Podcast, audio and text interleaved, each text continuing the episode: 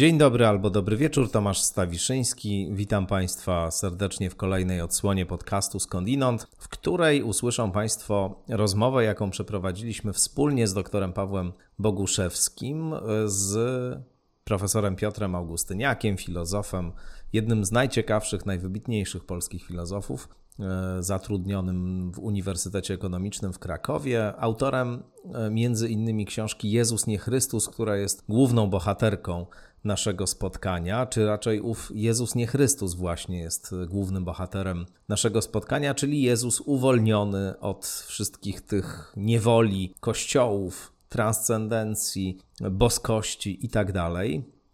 Piotr Augustyniak w swojej książce próbuje pokazać, że nie potrzeba nam wcale tych wszystkich mitologicznych opowieści o Jezusie, żeby w tym sposobie szczególnym, w jaki on żył, coś uniwersalnego, archetypowego, aktualnego także i dzisiaj dostrzec, i że jest to pewien wzór, który, czy pewna postać, pewien modus egzystencjalny, który jak najbardziej i dzisiaj dla wszystkich wcale niekoniecznie wierzących jest do zastosowania. No i oczywiście w tej książce Augustyniak pokazuje także, jak daleko od e, samego Jezusa e, odeszło chrześcijaństwo instytucjonalne, odszedł w szczególności Kościół katolicki, e, który jest o tyle tutaj od takiej strony głębokiej i insiderskiej opisany także, że Piotr Augustyniak, czego nie ukrywa, o czym sam w książce pisze, ma za sobą parę lat nowicjatu w zakonie Dominikanów. Odszedł stamtąd już e, dawno temu, ale to było coś, co na pewno w głęboki sposób wpłynęło na jego doświadczenie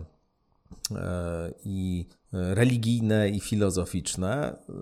O filozofii jako nowej duchowości, jako pewne, znaczy nowej właśnie, prastarej duchowości też Tutaj rozmawiamy. To jest spotkanie, podobnie jak sprzed dwóch tygodni, spotkanie z profesorem Arkadiuszem Stępinem, e, odbywane w ramach e, cyklu Filozofia w ogrodzie domowym, e, który to cykl zazwyczaj ma miejsce w Teatrze Powszechnym w Warszawie, organizowany jest przez Fundację Strefa Wolnosłowa. No, od pewnego czasu rzecz jasna prowadzimy wspólnie z Pawłem Boguszewskim te spotkania w formie wirtualnej i właśnie w kwietniu tego roku spotkaliśmy się z profesorem Piotrem Augustyniakiem e, w otoczeniu licznej, zawsze niezwykle interesującej, ciekawej, e, pełnej pasji i, i mnóstwa arcyinteresujących myśli publiczności, która też tutaj aktywnie e, w tym spotkaniu w pewnym momencie bierze udział i, i nie tylko my pytamy, ale także uczestniczki i uczestnicy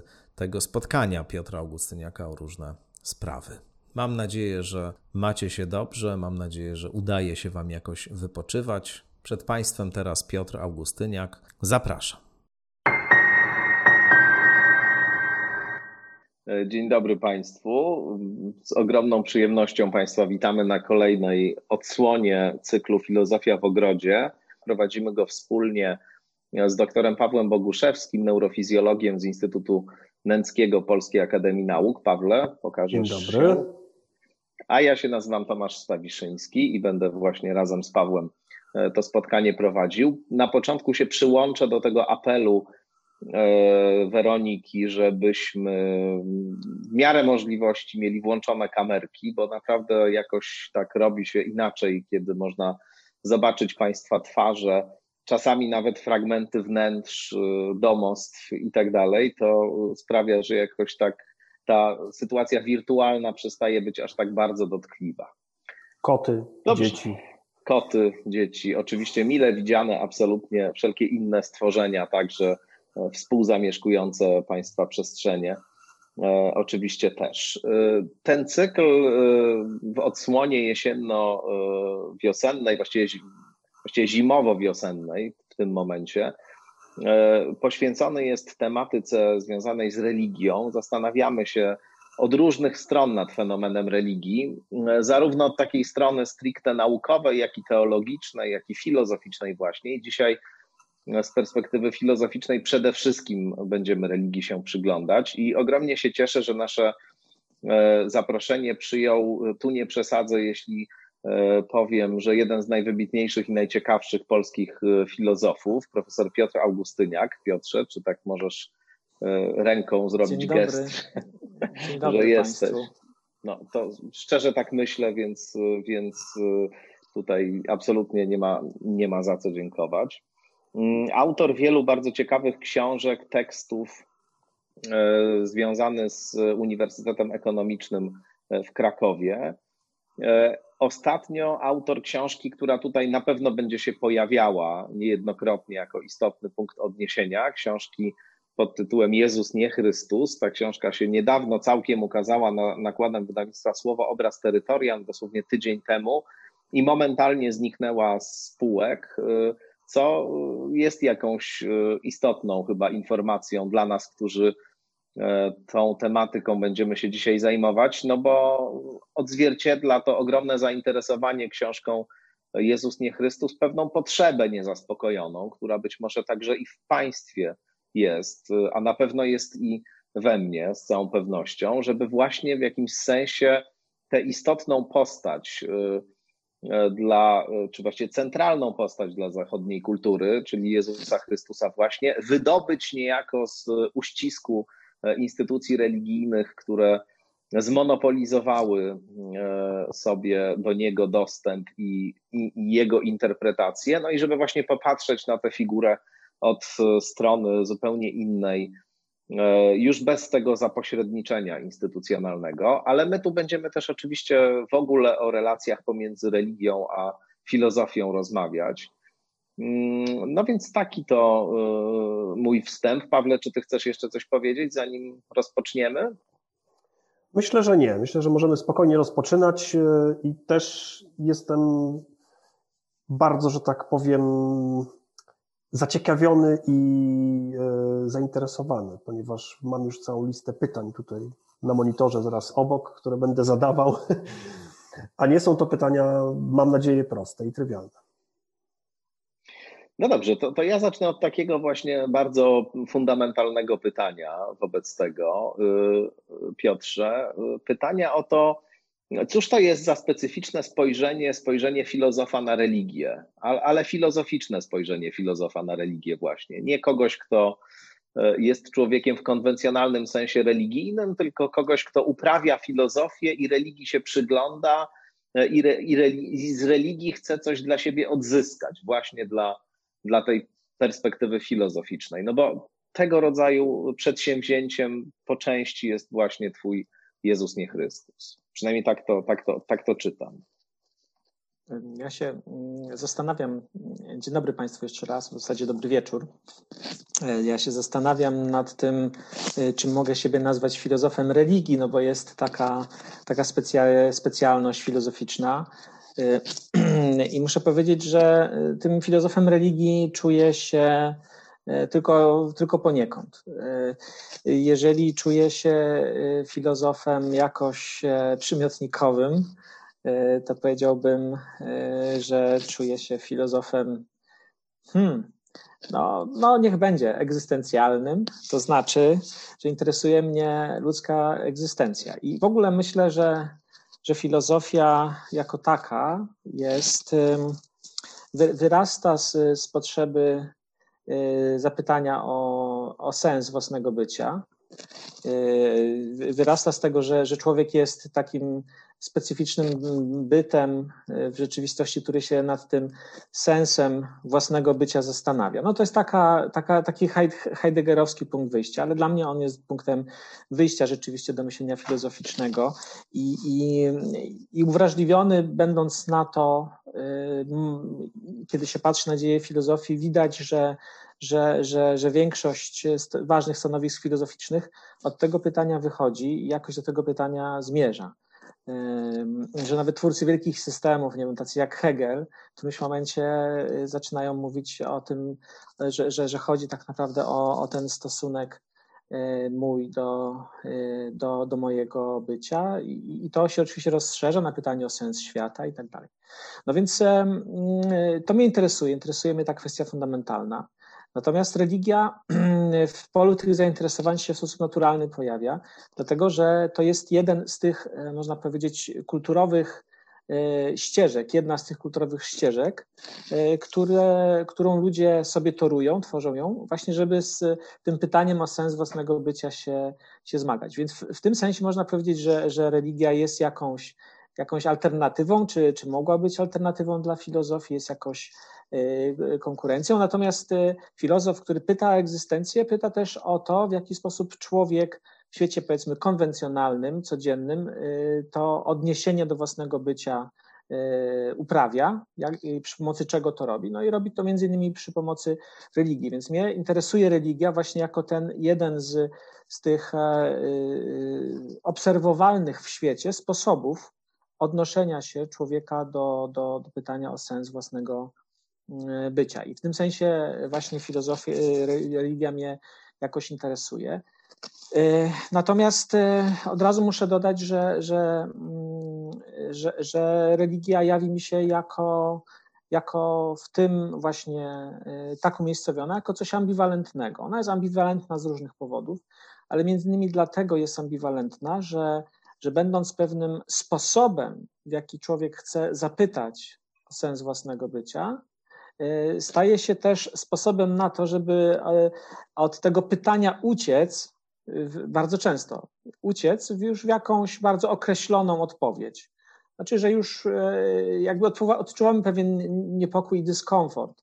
Kim jestem i, i, i co tutaj robię, i, i, co to jest w ogóle to moje bycie w świecie, tak a nie inaczej usytuowane i w religii sobie znajduje jakąś łatwą odpowiedź, mniej lub bardziej łatwą, ale jednak jakoś e, e, ułatwiającą sprawę. Tak? No właśnie, w religii chrześcijańskiej mamy cały Y, całą, całą antropologię, która właśnie mówi, że człowiek jest stworzony przez Boga, y, że właśnie mm, jest uwikłany w, w jakąś, jakiś upadek, czyli jest skłonność do tego, żeby od Boga się oddalać, do grzechu i tak dalej, i tak dalej. No i mamy ca, całą maszynkę, która już pracuje i w jakiś sposób to pytanie, y, pytanie wyjściowe w jakiś sposób obsługuje, ale też w pewnym sensie je, je unieważnia ale to, y, to, sygnalizuje, tak, że jestem zainteresowany religią. Y, nie jest to dla mnie jakiś centralny fenomen, jest to coś ambiwalentnego, ale na pewno jest to ważny sposób w tym e, całym spektrum różnych, różnych ścieżek, które człowiek sobie toruje, będąc e, jakoś y, zaciekawionym czy zaniepokojonym tym, kim jest. Mhm. To tak wstępnie.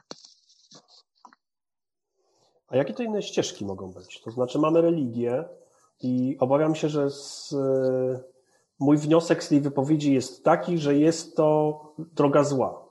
W sensie droga, która nie prowadzi do prawdy, ponieważ e, jest to droga, która zawiera już gotową odpowiedź i po prostu przyjmujesz sobie pewnego rodzaju mm, e, substytut, który niby coś wyjaśnia, ale tak naprawdę może być całkowicie błędny co znaczy, tak naprawdę może świadczyć o tym, że tych religii po prostu mamy bardzo, bardzo wiele. One się nie zbiegają do jednego punktu, do jednego atraktora, który by świadczył o tym, że jest e, coś jednego prawdziwego, tak? No jeżeli będziemy wyznaczali prędkość światła na całej kuli ziemskiej, to wszędzie dojdziemy do dokładnie do tego samego wniosku, do tych samych e, liczb, niezależnie od metody, niezależnie od e, jednostek, które będziemy stosowali. W przypadku religii jest wręcz odwrotnie, to raczej się mnoży niż dzieli, czyli to, ta droga to, tego pytania o kondycję człowieka, y, wydaje mi się, że tak pośrednio powiedziałeś, że nie jest drogą, która nam da odpowiedź, jaki ten człowiek jest. Drugą może być filozofia. A czy są jeszcze jakieś inne drogi poza religią i filozofią? Znaczy, ja, ja bym w ogóle y, po, y, powiedział, zaryzykowałbym taką tezę, że w zasadzie wszystko, co, co, co człowiek podejmuje, a co nie jest związane z jakąś bezpośrednią potrzebą życiową e, o charakterze takim elementarnym, e, tylko jest y, pewną, pewnym, pewnym takim naddatkiem, że bez tego da się żyć, a jednak to robimy. Mm, w jakimś sensie właśnie do tego służy. E, a więc myślę, że, że sztuka na pewno E, a w tej sztuce no, różne jej dziedziny, literatura, myślę, że też w jakimś stopniu muzyka, nawet tak abstrakcyjny twór. No ale myślę, że e, no chyba, że za, założymy, że, że, to, że to naukowców w ogóle nie, nie interesuje, no to, no to, no to musielibyśmy to wykluczyć, ale ja myślę, że, że, że, że w nauce mm, też koniec końców, nauka też jest pewnym sposobem, w jaki człowiek odnosi się do, do swojego do tego fundamentalnego pytania, kim jest, prawda? Y, więc ja bym to spektrum bardzo rozszerzył. Natomiast, e, natomiast to, co to, co charakteryzuje chyba y, podejście religijne. Ja też właśnie nie, nie chciałem powiedzieć y, czegoś takiego, że, że filozofia jest, y, że religia jest, jest czymś, czymś złym. Bardziej miałem na myśli to, że jest czymś zwodniczym bardzo często w takiej praktyce, że, że w tym pragnieniu religijnym człowieka wydaje mi się, że, że, że źródłowo jest coś, coś autentycznego, E, że, że jakaś, e, jakiś impuls religijny, jakieś przeczucie sakrum czy tajemnicy, e, czy, czy wręcz pewnej nierozstrzygalności z, z, z, po, po, po, po, czy czegoś, co przerasta człowieka, decyduje o jego życiu. Mm, że, że to jest jakiś autentyczny impuls egzystencjalny, natomiast myślę, że, że, że religia wtedy, kiedy staje się doktryną, wtedy, kiedy staje się, się kultem, wtedy, kiedy staje się dogmatem, wtedy, kiedy staje się e, zbiorem sztywnych jakichś reguł etycznych, e, no to wtedy ten swój źródłowy charakter e, zatraca.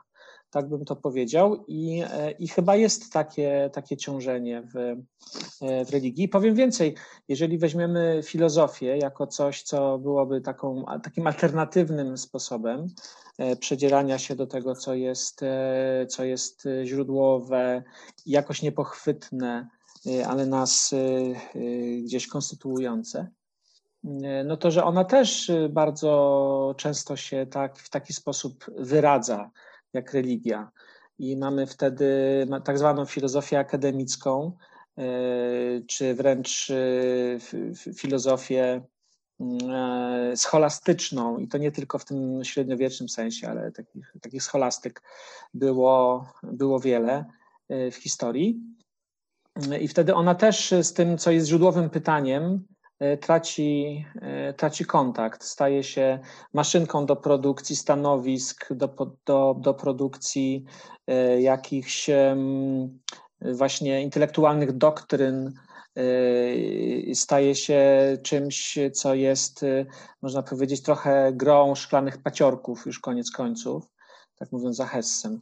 Więc y, jest coś takiego chyba we wszystkim, co my w kulturze przedsiębierzemy, żeby, żeby pojąć zagadkę własnego istnienia, Y, że, że, że, że w, to, w którymś momencie za, zaczyna odpadać y, od tego, czemu miało służyć. I to jest, myślę, coś ciekawego y, i godnego też namysłu, to też coś mówi o człowieku. To ja bym się zapytał już. Aha, Paweł, Mogę proszę bardzo, przepraszam. Tak, Oczywiście, tak, tak, przepraszam. Króciutko, dosłownie wspomniałeś o drzemiącym w człowieku impulsie szukania sakrum. Yy, to jest coś, co przewija się przez temat naszych spotkań od śmierci i teraz przez religię. Yy, I to jest takie moje pytanie, czy to jest realne? To znaczy, szukając, będąc człowiekiem, szukając pewnego rodzaju sakrum, niektórzy nazywają to poszukiwaniem duchowości, niektórzy szukają tej duchowości w religii, niektórzy uważają, że ta duchowość jest poza religią i E, jak uważasz, czy to jest tak jak kolory? To znaczy, kolory nie istnieją.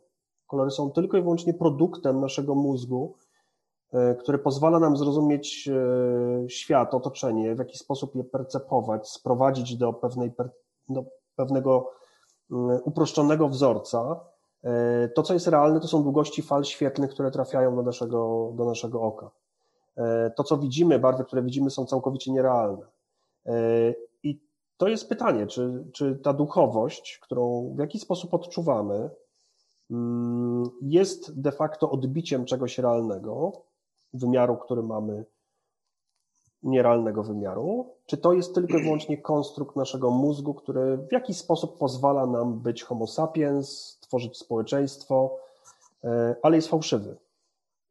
E, Ale Może to jest zbyt osobiste pytanie. pytanie ale... zadał fundamentalne. Ja lepiej, no, lepiej od razu słyszeć odpowiedź. Zacznijmy od Całe życie pytań, potem... z tym pytaniem. No. Tak. E, wiesz co, Pawle, ja powiem tak. To jest e, pytanie bardzo mi, mi bliskie. Oczywiście po, po postawione w, w, pewnym obszarze pewnego dyskursu, który jest tobie bliski. E, gdzieś poprzez odwołanie właśnie do, do, do nauk ścisłych i do, i do tego właśnie czym jest kolor w związku z tym. Ale ja bym powiedział tak, że, że, że myślę trochę o tym e, podobnie. E, dlatego jest mi bardzo bliska tradycja myślenia apofatycznego. To znaczy powiedziałbym tak, jest pewien tak jak są te długości fal świetlnych, czy też jest, jest coś takiego jak światło, prawda? I my je w jakiś sposób percypujemy i, i, i przetwarzamy to sobie na pewne wrażenia, czy pewne wyobrażenia wręcz. E, to mi się wydaje, że trochę podobnie jest z kwestią e, e, tego, co, co nazwałem, może to jest też nieudolne, to jest też uwikłane w, w, różne, w różne konteksty i może trzeba by to inaczej nazwać, a nazwijmy sobie to potrzebą sakrum że, że jest moim zdaniem w człowieku pewien, pewien zmysł mm, tajemnicy, znaczy, że, mm, e, że, że, że jest, e, jest coś takiego, e, co, czego czemu my jesteśmy poddani w naszej egzystencji. Natomiast tego się nie da w sposób, znaczy trzeba mieć dystans i trzeba mieć świadomość, że wszystkie próby jakiejś konceptualizacji tego, czy, czy, czy jednoznacznego nazwania tego, że one są e, po prostu już bardzo mocno obarczone naszą osobistą perspektywą, kulturą, tradycją, etc. Tak? Znaczy, że, że ja bym się nie bał tego powiedzenia, że człowiek ma jakiś zmysł e, tajemnicy, czy jako jakiś niepokój metafizyczny.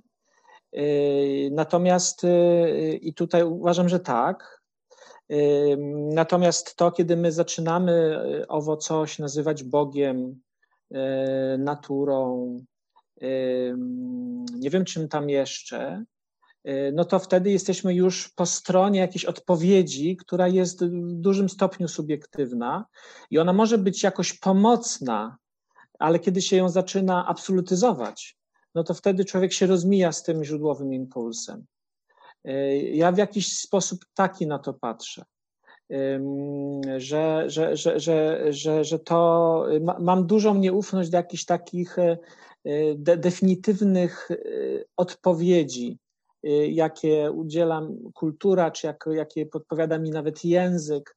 Tak? Uważam, że, że tutaj trzeba być bardzo ostrożnym i umieć cały czas po, ponad to wychodzić, że człowiek, który ma jakąś prawdziwą wrażliwość E, e, religijną, czy, czy nie wiem jak ją nazwać, czy metafizyczną, to on e, nie przywiązuje się do tego. I mi rzeczywiście w tradycji są bliscy właśnie ci, którzy poza tę pojęciowe kategoryzację potrafią wyjść, którzy się do nich nie, nie przywiązują, bo przywiązujemy się do nich ze względu na nasze poczucie bezpieczeństwa, którego potrzebujemy, y, zadomowienia, poczucia, że mamy wszystko koherentnie jakoś y, nazwane. Mm, I, to w sposób taki no, odruchowy wręcz robimy. Natomiast y, mnie inspirują najbardziej ci, którzy potrafią to jakoś relatywizować, potrafią poprzez to przebijać się do, do, do czegoś, co, co jest jakoś chyba nie, nie, niekonceptuowalne do końca. Może w ogóle nie. I dlatego dlatego wybieram mistrza Eckharta, dlatego wybieram Buddę, e, dlatego wybieram jeszcze, nie wiem, dlatego filozoficznie wybieram Heideggera i mógłbym jeszcze kilka nazwisk e, tutaj e, podać. To dlaczego wybierasz Jezusa także? Dlaczego wybierasz Jezusa, a nie Buddę? Dlaczego Budda ci nie wystarczy, potrzebny ci Jezus jeszcze? Buddha, rzeczywiście dopóki nie zacząłem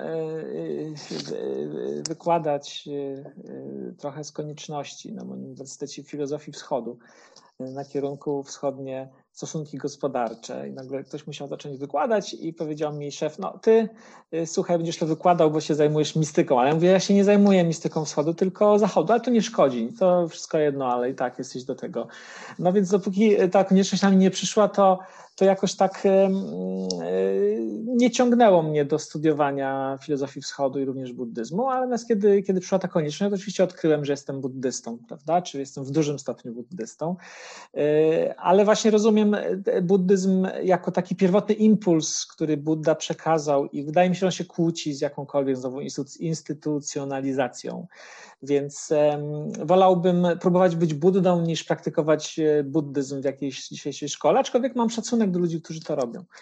E, więc ja nie mam e, z tym problemu, żeby powiedzieć, nie interesuje kogoś Jezus i, i on się zanurza w tej postaci Buddy i, i tam szuka tego jakiegoś przekroczenia, bo też powiem o, o tym zaraz, a może teraz, że, że chodzi mi o to, żeby pomóc sobie i moim czytelnikom w przekroczeniu pewnych takich konwencjonalnych e, oczywistości dotyczących świata. Znaczy, że ta podróż e, do, do, do, do, do, do tego jakiegoś źródło, źródłowego czegoś, czego jesteśmy częścią, można nazwać to, to życiem czy naturą, a ktoś to chce nazwać boskością czy, czy Bogiem, E, że, że podróż do tego, żeby ją zacząć, trzeba wyjść poza to, to, co jest jakoś tak konwencjonalnie ugruntowane jako właśnie konkretna doktryna religijna, konkretna doktryna etyczna, e, konkretny obyczaj społeczny i tak dalej, i tak dalej. Że, że trzeba umieć. Mogę jakoś... jedną rzecz dopytać? Tak. Mhm, tak. Bo, bo już wcześniej właściwie chciałem zadać to pytanie, ale idąc za pewnym tokiem też rozmowy, wprowadziłem na scenę Jezusa, ale, ale teraz je krótko zadam, bo wcześniej mowa była o tym, E, no, pewnym uniwers, pewnej uniwersalnej skłonności metafizycznej, tak to nazwijmy, czy, czy jakiejś, jakimś ukierunkowaniu, które człowiek ma niezależnie właśnie od e, rozmaitych tego instytucjonalizacji, formalizacji, werbalizacji i tak dalej. I teraz zastanawiam się, jak ty to do końca, to coś rozumiesz, choć właściwie nie można właśnie tego zrozumieć. Oczywiście na tym to wszystko polega, ale czy tytuł raczej E, no właśnie masz na myśli coś istotowo niewypowiadalnego, e, niedotykalnego, nieuchwytnego, co, na co można tylko jakoś wskazywać, tak to oświetlać snopem e, światła, po, pojęć różnych, które mają nas doprowadzić do punktu, w którym już poza pojęcia wykroczymy. Czy ty to rozumiesz też trochę w takim sensie pewnej filozofii wieczystej, to znaczy, że istnieje właśnie pewne uniwersalne jądro w rozmaitych doktrynach, przekazach, instytucjach religijnych, mitach i tak dalej, które da się z tego wyekstrahować, to był taki w pewnym momencie intensywny ruch na rzecz ekstrakcji właśnie takiej filozofii uniwersalnej. Zresztą, no tak, już, już, już pewien czas temu się to działo, ale byli tacy myśliciele, którzy mieli takie ambicje. E, no właśnie, o to, uzupełnienie, o, o to uzupełnienie bym Cię tylko prosił w tym dalszym Twoim, w dalszej Twojej wypowiedzi. Czyli ja myślę, że E, że to jest coś, e, czego e, odpowiednio nastrojony podmiot, jakoś taki właśnie, jakoś rozszczelniony i, i, i, i otwarty może doświadczać. I w tym sensie jest to coś konkretnego i namacalnego, co się może przełożyć na pewne konkretne doświadczenie egzystencjalne, jakby z tym styk z, czym, z tym czymś, co będzie cały czas wymykać się konceptualizacji y, i, i uciekać przed y, takim dookreślającym y, charakterem naszych pojęć. Więc to tak, ja, ja myślę, że i też dlatego, czy myślę, że filozofia, jeśli mogę teraz jeszcze w związku z tym wrócić, odejść od tego Buddy na chwilę, idąc za, za, za tym pytaniem. Dla mnie filozofia jest y, źródłowo rozumiana, jest y, pewnym, y, pewną drogą do, do przemiany egzystencjalnej. I,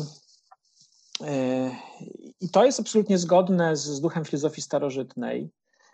I to też powraca, to jest jakoś obecne w filozofii chrześcijańskiej, ale właśnie z tym jest problem. Z chrześcijaństwem jest w ogóle wielki problem, proszę Państwa, i tym myślę, że jeszcze trzeba dzisiaj powiedzieć.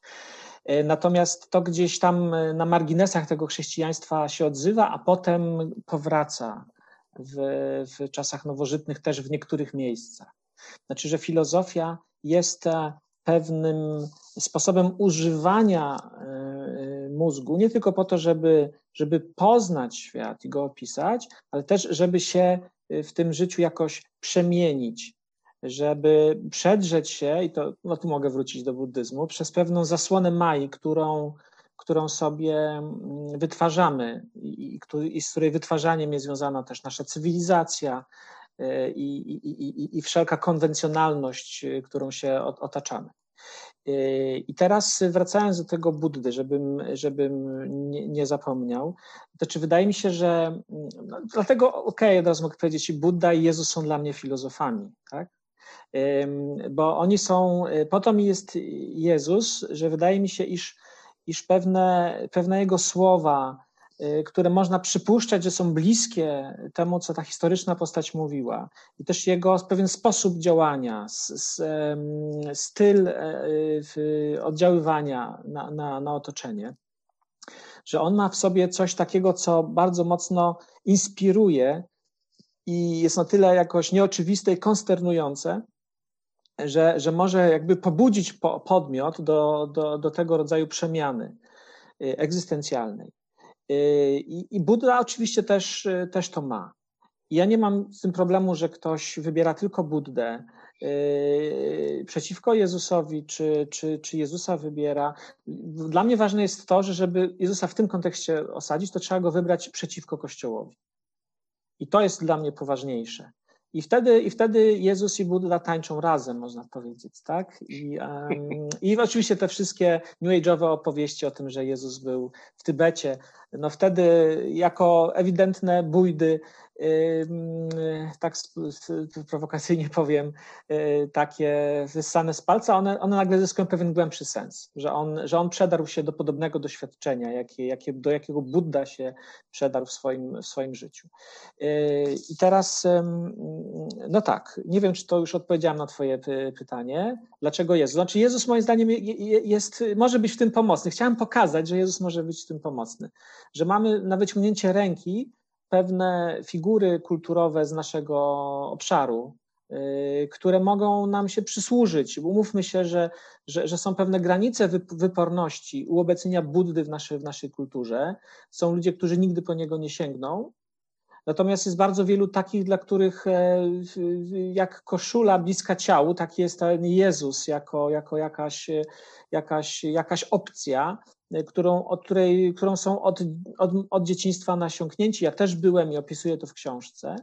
Natomiast, że, że można y, nawet właśnie, y, a w szczególności obserwując śmierć katolicyzmu i, i obumieranie chrześcijaństwa w naszym świecie, czy samobójstwo katolicyzmu i obumieranie chrześcijaństwa, które się dzieje na naszych oczach, że, że można paradoksalnie właśnie w tym momencie przywołać e, tego, tę figurę Jezusa, wyjąć ją z tego, z tego gnijącego truchła i można po, po, dzięki niemu pomóc ludziom, którzy są w jakiś sposób duchowo zdezorientowani, Y, pomóc właśnie y, jakoś zaznać, zaznać wolności, zaznać inspiracji i, i, i jakiś bodziec im y, uprzystępnić własnego rozwoju, tak jak ja go rozumiem.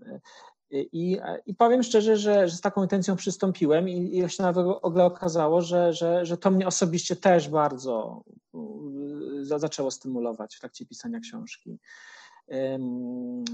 Rzeczywiście wydaje mi się, że jeśli użyć takiej dalekowschodniej metaforyki, to w tym Jezusie jako pewnym miejscu kulturowym jest jakiś nieprawdopodobny czakram energii, e, ale właśnie trzeba go z, z, tej, e, z tej studni zamkniętej właśnie warstwami, wielowiekowymi warstwami pobożnościowo, jakichś dogmatycznych przyzwyczajeń, trzeba go stamtąd wyciągnąć.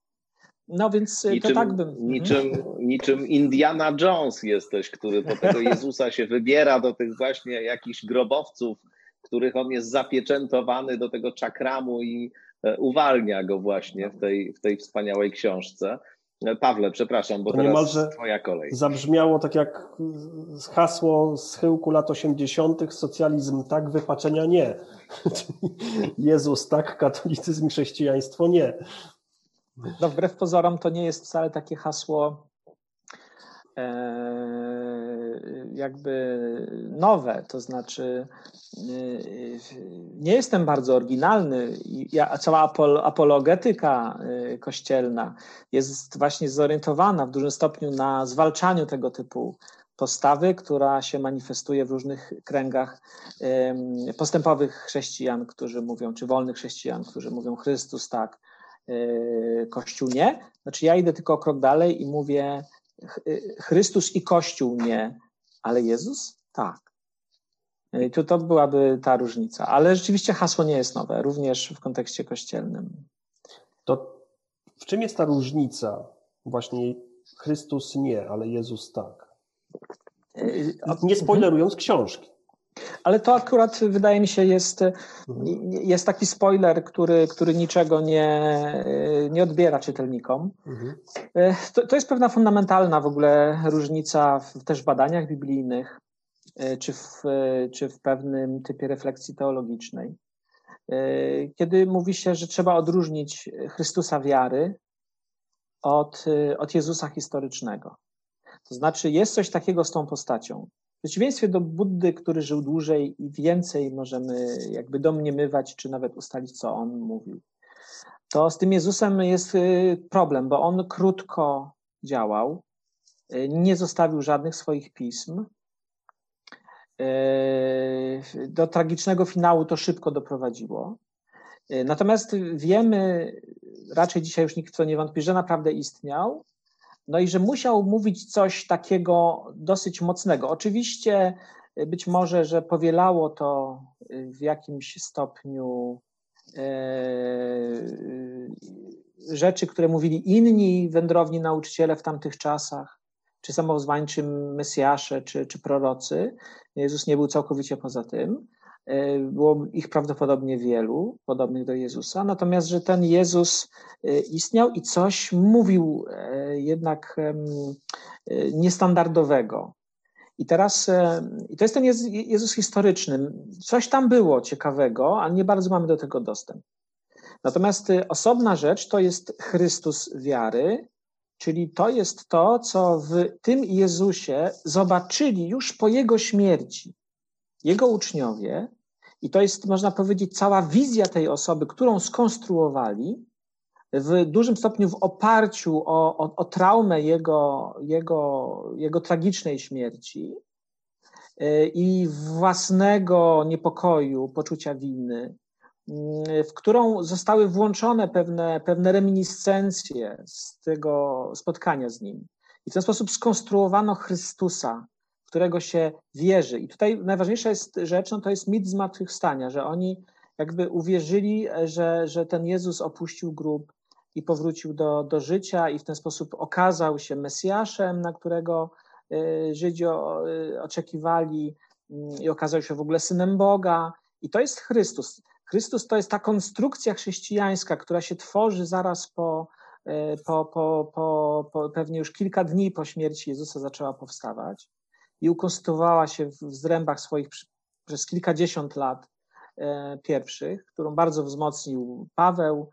E, jego najstarsze listy są z lat 50., więc 20 lat po jego po śmierci Jezusa już mamy taką solidną wizję Chrystusa.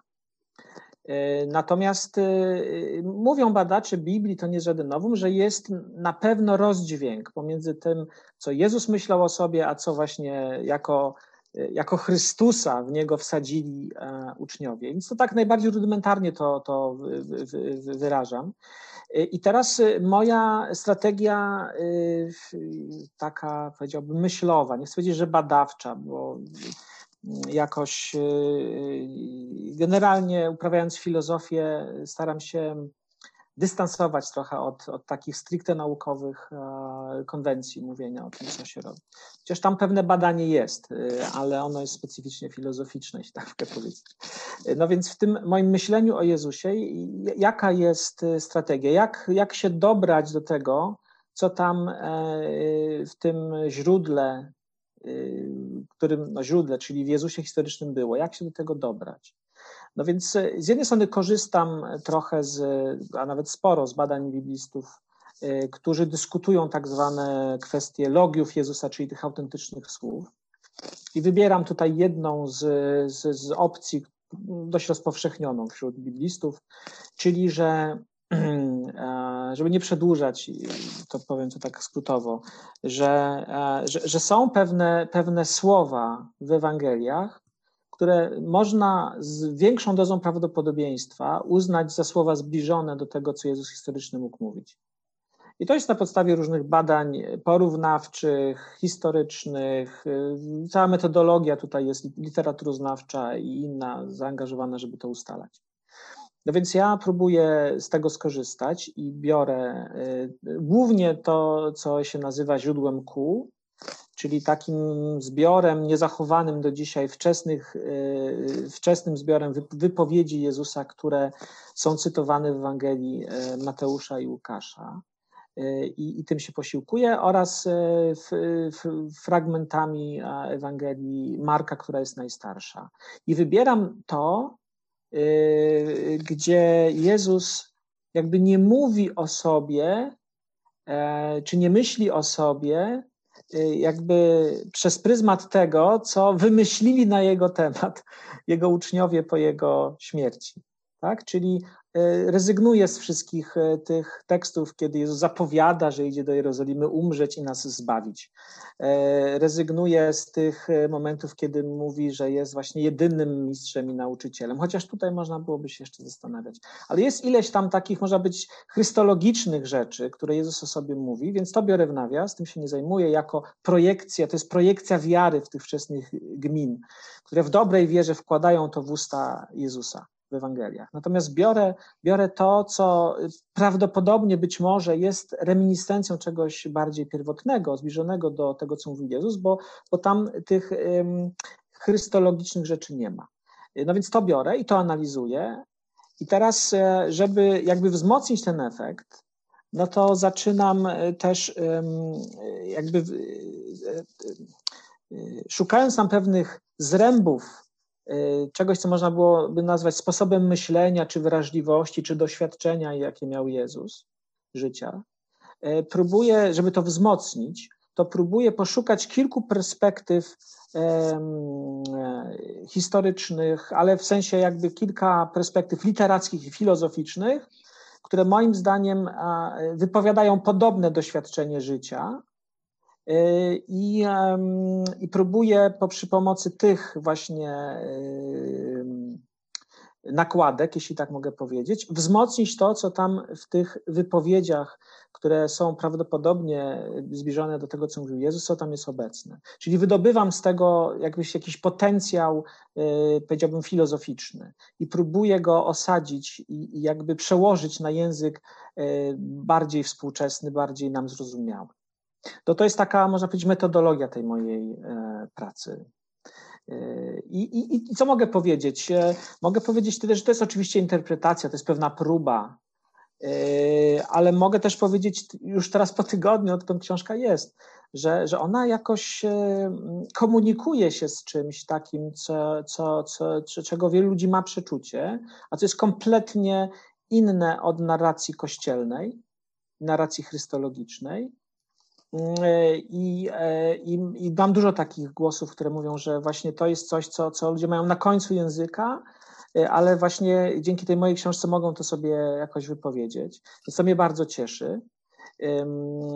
Bo, I teraz wydaje mi się, że to jest też coś, co jakoś obiektywizuje efekt mojej pracy, dlatego że ja jestem przekonany, że, że czy, inaczej jeszcze, czym jest dla mnie Jezus?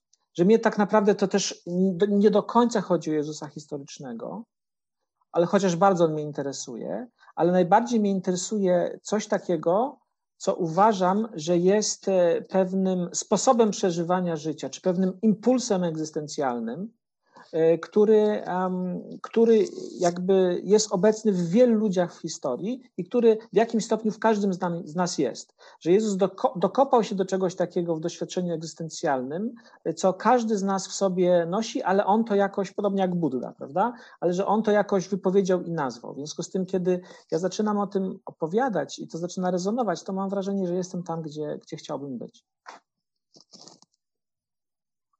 I co to jest?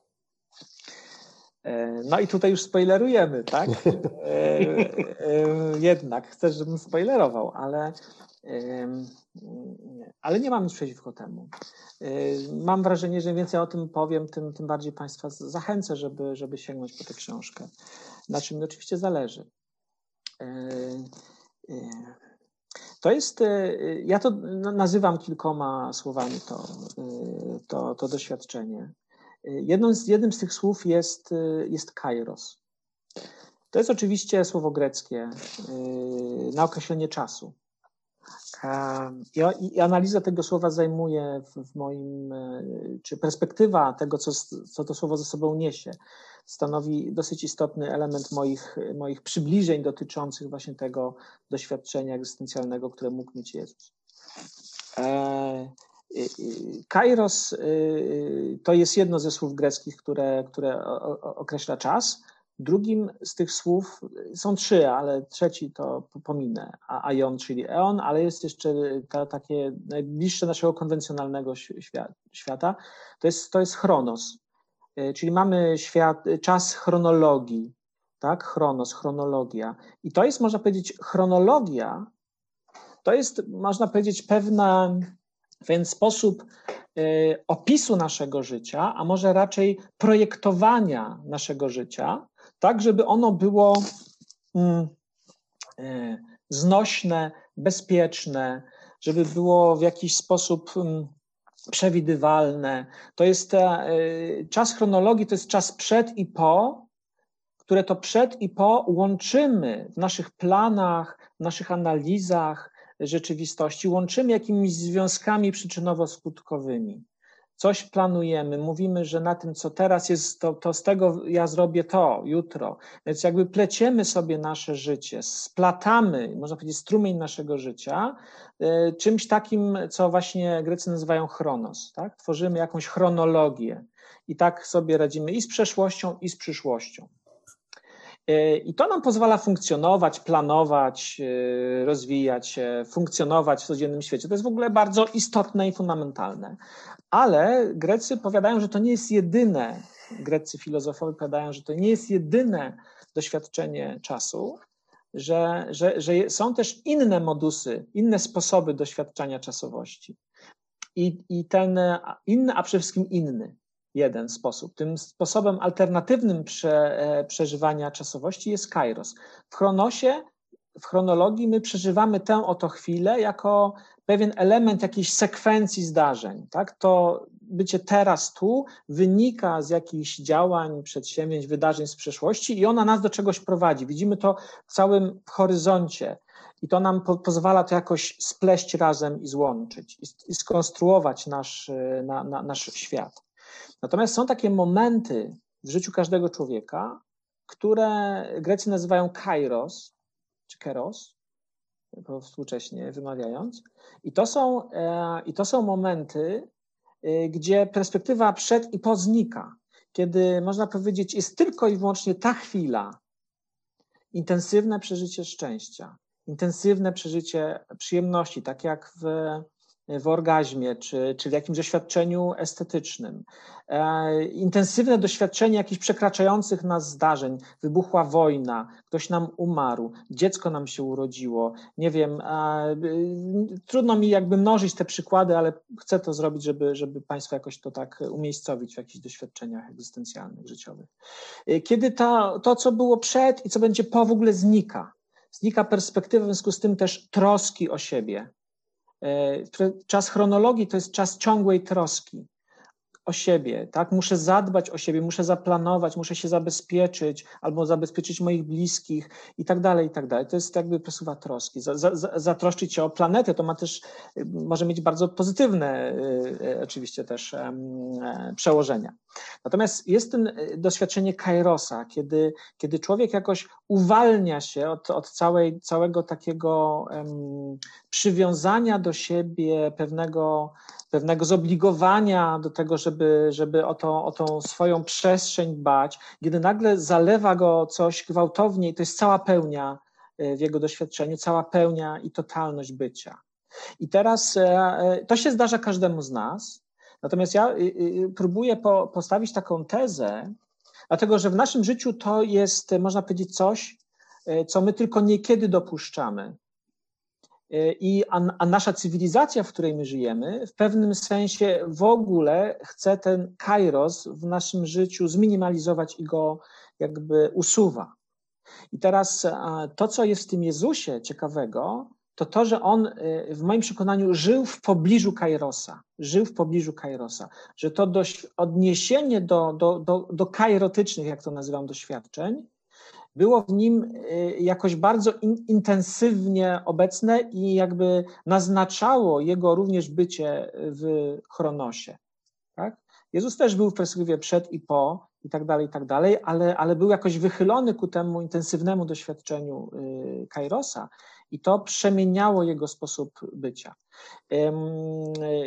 No, więc to jest jedno z tych przybliżeń, tak, że miał jakiś styk z, z właśnie z ową y, totalnością istnienia, czy styk y, z, z, z, z nurtem życia, powiem tak w duchu bliskiego mi języka, y, nurtem życia, który, który przenika każdego z nas i tworzy każdego z nas i jest jakoś tkanką y, na, na naszego istnienia. Natomiast, że, że my często się od tego odklejamy, nawet musimy się od tego odklejać. Tylko, że problem polega na tym, że, że, że, że, że mamy taką tendencję, żeby w ogóle stworzyć taki kokon, do którego prawie wcale tego doświadczenia nie dopuszczamy. A jeżeli dopuszczamy, to na zasadzie ekscesu czy wyjątku. A Jezus był jakoś z tym poukładany i był w pobliżu tego. E, I to jest pełne grozy. To jest nie, nie, niespokojne, ale jednocześnie jest jakoś nieprawdopodobnie energetyczne i wyzwalające. E, no i to był, tak, tak to przybliżył, to zaspoilerowałem dużo.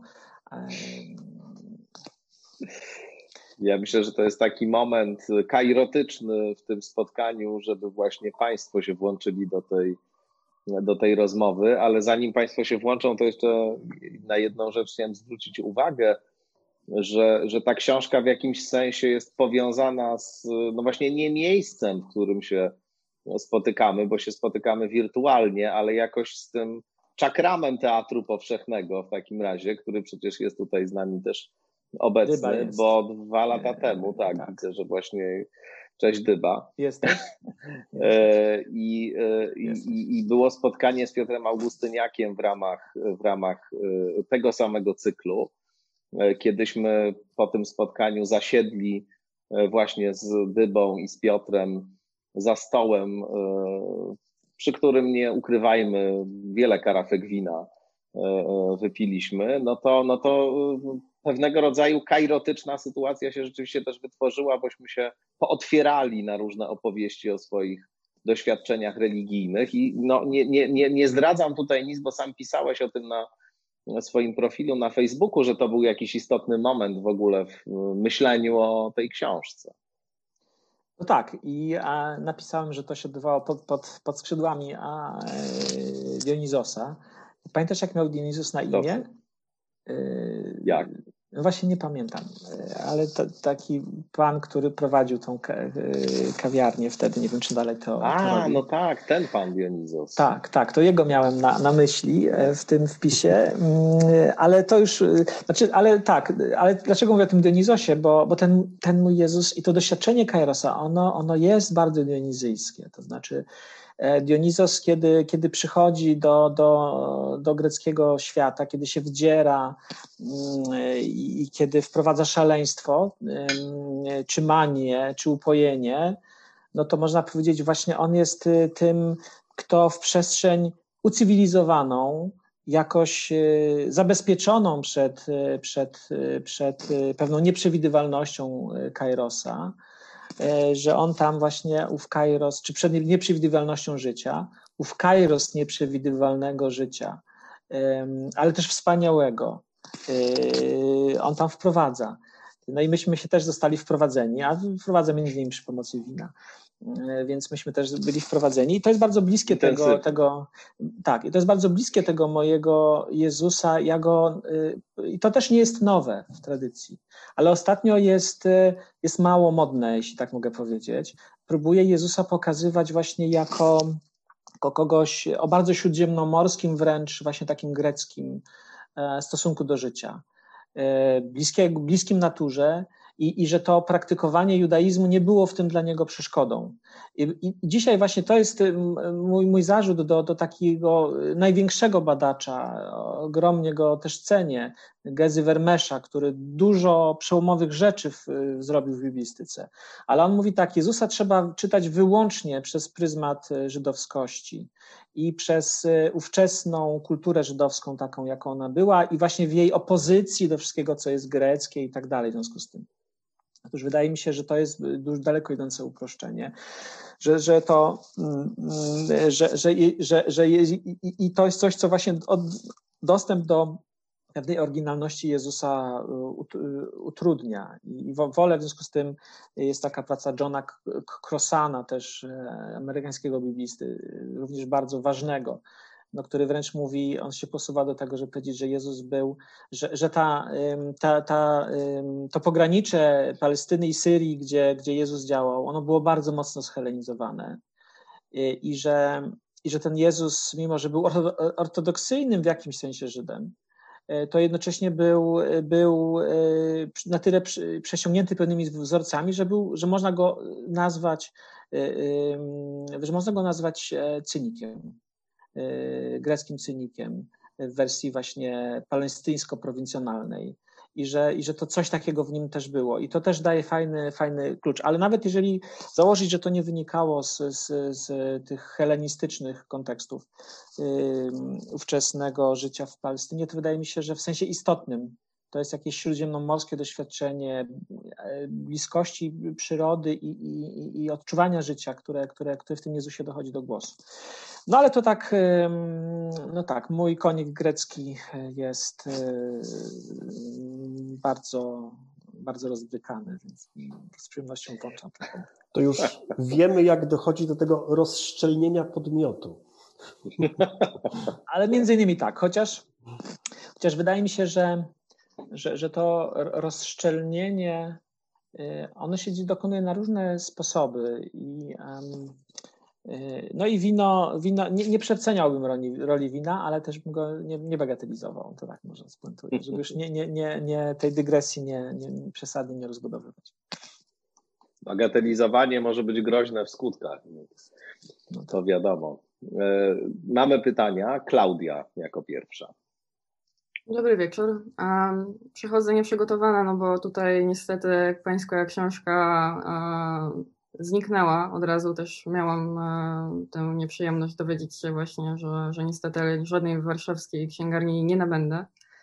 A więc to, co powiem, czy to, co zadam, e, będzie wynikało z wyłącznie tej mowy, którą tutaj Pan wyłożył nam e, przez ten krótki czas.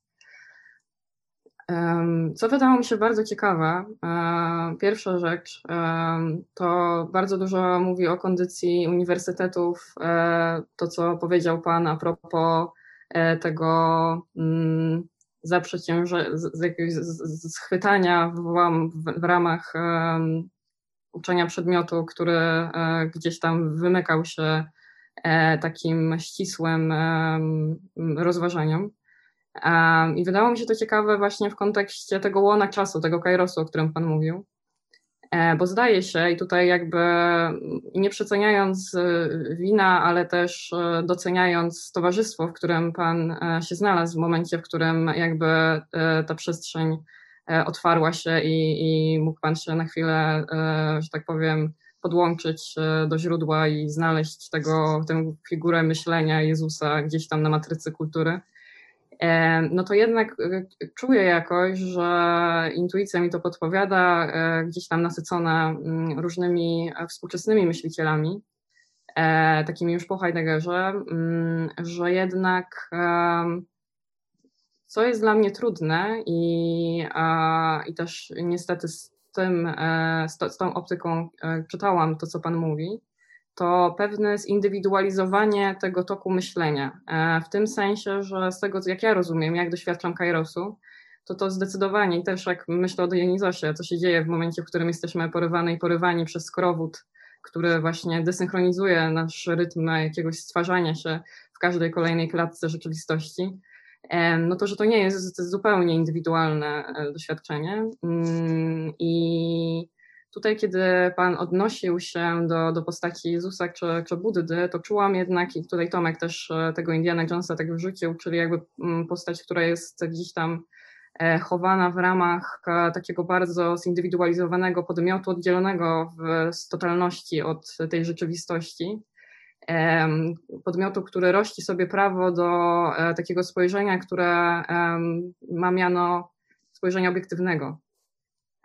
I zastanawiam się, i tutaj jakby kończę wypowiedź, zadaję pytanie, mm, czy Pan w swojej książce, którą mam nadzieję przeczytać, kiedy ruszy maszyna e, drukarska po zaspanych szynach, E, I, i e, to, to właśnie, czy, czy Pan tam odnosi się jakoś do tego, kim byli apostołowie na przykład? No bo myślę, że o Kairosie na przykład święty Paweł też fantastyczna postać. E, no i tutaj jakby dla mnie to jest czysty bunt w ogóle, czym jest powołanie mesjańskie w, w jego czytaniu, w tym spotkaniu w głowie, że to jest zerwanie z tym faktyczno-prawnym porządkiem, który reguluje jakby nasze żywota w taki sposób, że jesteśmy podpięci pod tego nieszczęsnego chronosa i nie możemy jakby pisać książek.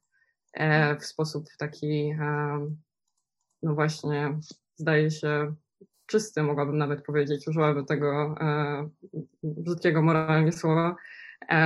No ale tak, to jest moje pytanie właśnie o kolektywizację tego Jezusa.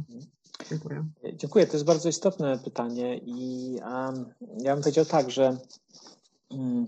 Ja się do Pawła dystansuję w, w, tej e, książce i dlatego, żebym go nie uważał za, za postać jakoś kluczową i, i, i wartą e, jakby bardzo szczegółowych studiów i też docenienia. Czyli ja też umiem docenić świętego Pawła, natomiast, e, czy też Pawła Starsu, tak? Natomiast jednak idę za taką bardzo no, starą już tradycją, bo wychodzącą od, od, od niczego, chyba we współczesności najbardziej, że się te postaci jakby przeciwstawia. I teraz to przeciwstawienie można właśnie e, jakby czytać na takim e, poziomie tego, jak się właśnie dokonuje kolektywizacja, tak? czy jakby pewne uwspólnotowienie. Mm, e, bo, bo w moim przekonaniu to, co jest fenomenem Jezusa, czy impulsem Jezusa, że on jakby jest bardzo, bardzo do, do wewnątrz, do podmiotu, y, że to jest skierowane. To znaczy, kiedy, kiedy Jezus mówi, a Królestwo Boże jest w Was, czy, w, czy wśród Was, no okej, okay, to już byłoby bliżej jakiejś wspólnoty, ale to jest, mm, wydaje mi się, że to zmierza do pewnej e, jednak, że to jest język apelujący do, do, do pewnej indywidualnej prze, przemiany tak ja to rozumiem, że tam jest jakby akcent bardzo mocno na to, na to postawiony. W tych, e, w tych przypowieściach, które trzeba rozkminiać tak jak koany, to, tego nie robi wspólnota, to robię ja. Ja muszę dokonać pewnego przekroczenia. To, to kiedy jest wezwanie do tego, żeby praktykować pewną transgresywną etykę, e, polegającą na tym, że nie wiem, w ogóle rezygnuję z osądzania e, i, i szukam belki we własnym oku i raduję się z, z mojej biedy i w tym szukam błogosławieństwa i tak dalej, i tak dalej, tak, że to jest bardzo, bardzo apeluje do, do właśnie takiej indywidualnej prze, prze, prze, przemiany. Jak to się y, z tego zrobi pewną doktrynę jakby na, dla, dla, do, do, do, obowiązkowego praktykowania przez grupę, to się już zaczyna robić niebezpiecznie, prawda? Znaczy, że ok, no to teraz wybierzcie wszyscy ubóstwo, prawda? Albo nie wiem, zrezygnujcie w ogóle z osądzania w społeczeństwie, tylko właśnie wszyscy y, przymusowo przebaczajcie. Znaczy, to się staje jakieś monstrualne w którymś momencie. Natomiast jak się traktuje jako pewną indywidualną strategię, jakby przebud szukania przebudzenia wewnętrznego, prze przedarcia się przez pewną zasłonę Mai, że tak powiem po buddyjsku, no to wtedy, wtedy to jakoś bardzo mocno gra. I teraz, e, więc ja tak rzeczywiście czytam, czytam Jezusa. Natomiast wydaje mi się, że i to jest pewna moja, e, moje przekonanie filozoficzne, że, że, że tego typu jakby indywidualizm, jeśli mogę tak powiedzieć, rozwoju duchowego czy wewnętrznego, że, że on jest właśnie paradoksalnie drogą do, do, do autentycznego spotkania się z innymi. Tak? Znaczy, to nie jest tak, że my teraz, tak jak się to we wspólnotach chrześcijańskich mówi, budujmy wspólnotę. No, ja byłem zaangażowany w to budowanie wspólnoty od, od nie wiem, wspólnoty oazowej po, po wspólnotę zakonną i jakby miałem permanentnie poczucie jakiegoś, jakiejś przemocowości, która za tym postulatem stoi, prawda? I jakby jest w tym coś takiego, y, natomiast, y, czyli ja uważam, że logika jest inna, znaczy jakby jak człowiek się gdzieś w sobie prze, przedrze przez, przez zasieki, zasieki tego, tego ego, które jest o siebie zalęknione, E, to, to wtedy jakby przedziera się do takiej posta, postawy, którą, nie wiem, y, mistyka y, nadreńska, bliska mi, jakby formułuje jako Gelassenheit, prawda? Czyli, czyli to takie jakby uwolnienie od siebie, które jest jednocześnie afirmacją innych, pozwoleniem innym, żeby byli tacy, jacy chcą być obok. I, I, to nie jest już wtedy wspólnota, która jest jednością jakiegoś konkretnego sposobu myślenia czy działania, ale jest, jest jakoś przyjęciem się nawzajem. Ale to trzeba jakby wyzwolić się z siebie, żeby się nawzajem przyjąć. Tak to rozumiem. I wydaje mi się, że Jezus trochę taką logiką idzie, natomiast Paweł jest niecierpliwy i on by chciał, on, ja myślę, że Paweł świetnie rozumie ten ogień Kairosa, kiedy mówi, i on wie, jakie są jego y, konsekwencje społeczne. On wie w liście do Galatów, prawda, mówi o tym, że, że w tej perspektywie nie ma już Żyda ani Greka, nie ma kobiety ani mężczyzny, nie ma niewolnika ani wolnego, wszyscy są czymś jednym jest, jakby wie, że to po prostu na poziomie, jakby uruchomić to społecznie, to, to nam to rozsadzi y, świat pełen nienawiści, podziałów i tak dalej. Z tym, że, więc to doskonale rozumie, ale moim zdaniem chce jednak to w jakiś sposób przyspieszyć poprzez właśnie budowanie wspólnoty. Tak?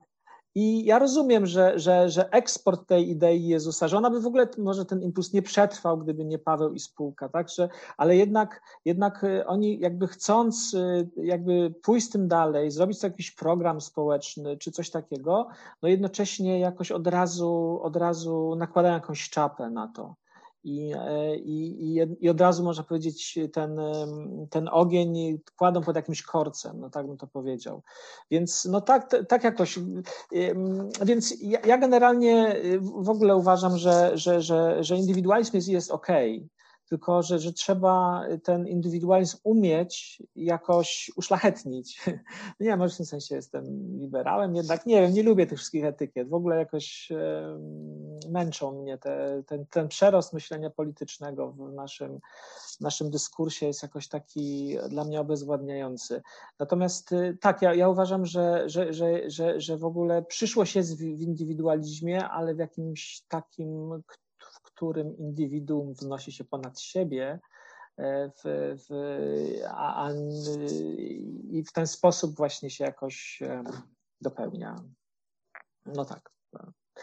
Tak mniej więcej bym, nie, nie wiem, czy to jest satysfakcjonujące. Mnie to nie satysfakcjonuje, co to powiedziałam, ale może choć, choć trochę y, odpowiada na Pani pytanie. Natomiast y, jeszcze muszę się odnieść do tych kwestii praktycznej. Znaczy to Książka ma być w poniedziałek, więc jeśli mogą Panie i Państwo, którzy nie zdążyli się uzbroić jeszcze chwilę cierpliwości, to, to proszę, ale, ale proponuję też nie zwlekać czy, i szybko zamówić, bo, bo wydawca ciągle nie dowierza i ten nakład nie będzie jakoś taki bardzo wielki, e, więc tak, nie zwlekajcie Państwo. A e-book? To, to... Jest już e-book? Jest, jest dostępny. Jest, jest super. Jest i na, i na w Oblinku i Virtualo i, i też na stronie wydawnictwa w jeszcze kilku innych miejscach. Super. Krzysiek Pełka się zgłaszał do pytania. Tak, e, bardzo dziękuję za e, możliwość zadania pytania. E, też z zastrzeżeniem, że nie miałem okazji przeczytać książki, więc bardzo możliwe, że to tam znajdę odpowiedzi, ale ponieważ nie wiem, czy one tam są, więc pozwolę sobie zadać już teraz. E, zrozumiałem, że Chrystus, o którym pan profesor pisze, jest Chrystusem historycznym, więc nie mówimy tutaj o pewnym konstrukcie e, kulturowym czy filozoficznym, że chcemy tak go postrzegać, że tylko, tylko profesor mówi, że e, istniała taka postać, która głosiła rzeczy, które profesor cytuje, widzi w wypowiedziach Chrystusa, a później nałożono pewną pewien gorset teologiczny na, na tą postać i próbujemy teraz y, y, z tym polemizować. Jeżeli Chrystus był postacią historyczną, tak jak profesor rozumie, no to dla mnie rodzi się natychmiast pytanie, jak ktoś taki historycznie rzecz biorąc, jak Chrystus mógł zostać tym filozofem, którego profesor chce nim zobaczyć. O ile Buddha, tak, no, mamy do czynienia z księciem, z, obliczym, z, z olbrzymim kapitałem intelektualnym, z wieloma latami spędzonymi na medytacji i rozmyślaniu, no to Chrystus jest postacią, która pojawia się znikąd. Wiemy, że prawdopodobnie nie ma wykształcenia, jest zwykłym rzemieślnikiem, żyjącym na peryferiach kulturowych, bo tam, gdzie się wychowuje, w zasadzie jej nie ma, do najbliższego miasta greckiego jest kawałek. Prawdopodobnie bywa, w, ale, ale tam nie, nie żyje mieszka gdzieś na prowincji, więc skąd nagle takie duża kompetencja filozoficzna, skąd nagle tak światły y, rozum? I to jest jedna rzecz. A nawet jeżeli odpowiemy pozytywnie, że istniała jakaś możliwość, żeby on przez swoją własną umiejętność jako człowiek, jak mówię, nie Bóg, ale jako człowiek doszedł do tego typu y, y, przemyśleń, to ja mam z tym o tyle problem, że rozumiem jednostkowość jego, ale jeżeli pozbawimy go i tak jak profesor ma taki zabieg mówiący o tym, że, że wypowiedzi o tym, że jest Mesjaszem, że y, obiecuje Królestwo Boże, są raczej nadane mu przez uczniów, a nie jego, jego interesują inne rzeczy, to pytanie, jak jego uczniowie, którzy są prawdopodobnie, znaczy wiemy już to, są niepiśmiennymi rybakami, są prostymi ludźmi, jak oni mogliby pójść za kimś, kto nie obiecywał im bynajmniej Królestwa Bożego, kto nie mówił, że jest Synem Bożym i Mesjaszem i kto nie mówił im o rzeczach e, no, religijnych, a nie a, a filozoficznych. Jak nagle e, prostych ludzi, rybaków, e, tak na, namówić na, na rzucenie rodzin, pracy i pójście za ideą, tak, za, za, za Kyriosem. No, wydaje mi się to być mało wiarygodne. Wydaje mi się, że, że o ile, o ile uczniowie potem, po, tak, po, po po rozczarowaniu tym, że ich, ich wybawiciel umarł po prostu na krzyżu, e, e, gloryfikują go i wkładają mu mnóstwo słów e, i przepowiedni i cudów, no to jednak, jednak on był według mnie no, postacią mistykiem, czy też nauczycielem religijnym, a nie filozoficznym, bo nikt nie kupił tego z słuchających go na brzegu Genezaret po prostu. Bardzo dziękuję. E, tu, tu wiązka jest kilku a, e, kwestii przynajmniej, e, ale znaczy ja, ja, powiem tak, że autor okładki mojej książki, to jest bardzo zresztą fajny grafik, podzielał Pana wątpliwość, bo wsadził mojego Jezusa w tweet, prawda? Czyli zrobił z niego jakiegoś rosyjskiego, niemieckiego czy, czy, czy angielskiego intelektualistę przełomy XIX i XX wieku I, i być może właśnie to jest taki, taka trochę krytyka mojej książki, że, że to jest właśnie taki, taki bardzo y, rozintelektualizowany i, i jakiś taki wysokokulturowy obraz. No więc ja bym powiedział tak, że mm, ja myślę, że, że, że Jezus był jakimś, tak uważam, był pewnym fenomenem. Znaczy, nie umiem sobie inaczej wyobrazić.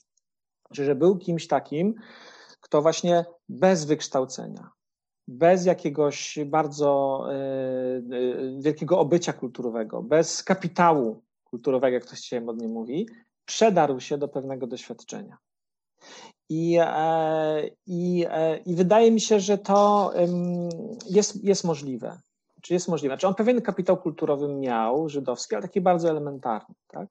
Natomiast wydaje mi się, że myślę sobie, Pan mówi o Buddzie, a ja sobie myślę mm, o greckich myślicielach początkowych, e, którzy, którzy gdzieś na tych, w tych koloniach greckich czy, czy, czy w innych miejscach nagle się, się pojawiali. Jakiś Heraklit, E, skąd my możemy wiedzieć, czy Heraklit e, był wykształconym człowiekiem? No, mia, jakoś miał, miał naturalną w sobie potrzebę medytacji życia, miał pewne doświadczenie i jakoś się tam wypowiadał. E, I wydaje mi się, że takie rzeczy się, się, się zdarzają. Ja jednym z takich obrazów literackich zbliżonych do, do tej figury Jezusa. E, wymieniam Bartleybiego z, z noweli Hermana Melville'a, prawda? Jakby prostego skryby, który, e, który pracuje w, w kancelarii prawniczej na, na, na Wall Street. I, i mówi jedno tylko zdanie, wolałby mnie, ale mówi to z głębokiego doświadczenia, pewnego skomunikowania właśnie z, z, z, z tym źródłowym nurtem życia. I, i, I w tym jest taka moc, że, że to można powiedzieć całą otoczenie społeczne wprowadza w wibrację, zaburza jakby porządek. Więc wydaje mi się, że on coś takiego miał. Wydaje mi się, że tacy ludzie się zdarzają i wydaje mi się, że, że oni nie zawsze są właśnie bardzo wykształceni, że, że, że, że, że, gdzieś zdarza się to czasem i on chyba coś takiego miał. I to na pewno było elektryzujące, y, że była, w, ta, takie jednostki są pociągające tak jak trochę, nie wiem, y, gwiazdy, y, nie wiem, popkultury nie, nie, nie, niektóre. Tak? Ja przywołuję tam, nie wiem, Lenona i piosenkę Imagine jako coś takiego, co podobną, podobne doświadczenie świata wy, wy, wy, wyraża. Y, wie pan, no, no, to jest taka w ogóle kulturoznawcza debata, czy, czy, czy to jest możliwe bez, bez takiego jakby szerszego e, e, kapitału, większego kapitału kulturowego. E, ale wydaje mi się, że czasem się tak zdarza. Mamy różnych, nie wiem, młodocianych poetów, którzy, którzy, którzy można powiedzieć, bez studiowania dziejów literatury nagle tworzą genialne wiersze, prawda? Jest coś takiego, taka predyspozycja w człowieku transowa, czasem się uruchamia. Dla mnie Jezus był kimś takim. To nie zmienia faktu, że był rzeczywiście pewnie galilejskim prostakiem, że jak uzdrawiał, no to pluł na ziemię, mieszał to z błotem i wkładał komuś do oczu i, z perspektywy naszych obyczajów no byłby być może pod wieloma względami troglodytą dzisiaj, prawda? Więc to jest jakby jedna, e, jedna rzecz. Natomiast to, co on e, mówił, to, to on się absolutnie i dlatego też mógł być pociągający, że to, co mówił, było z jednej strony, słychać mnie? Tak, tak, tak jak najbardziej. Coś mi tutaj. E, z jednej strony było przywoływanie pewnych idei religijnych, które tam w tamtych czasach funkcjonowały. No nie jest tak, że on jakby zupełnie się do tego nie odnosił. On głosił Królestwo Boże. Wszyscy Żydzi czekali na Królestwo Boże. Czekali na Mesjasza, który to Królestwo Boże uobecni. I Jezus też mówił o Królestwie Bożym. Więc używał języka zrozumiałego.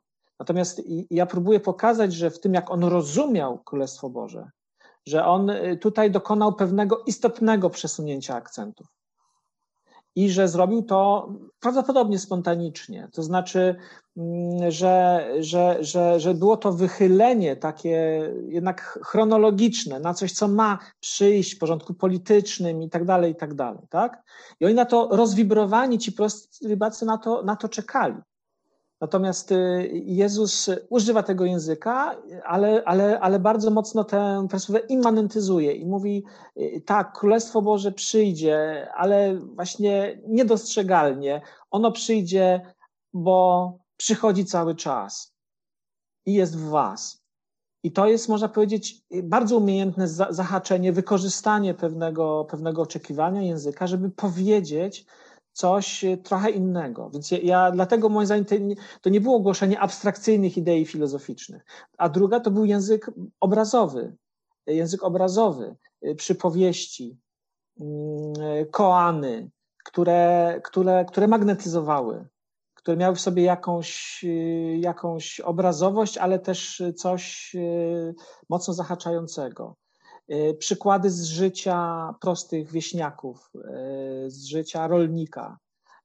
I, I, to były rzeczy, no można powiedzieć, właśnie nie jakieś abstrakcyjne, tylko, tylko one mogły oddziaływać, a wydaje mi się, że do dzisiaj są czytane i mogą być inspirujące.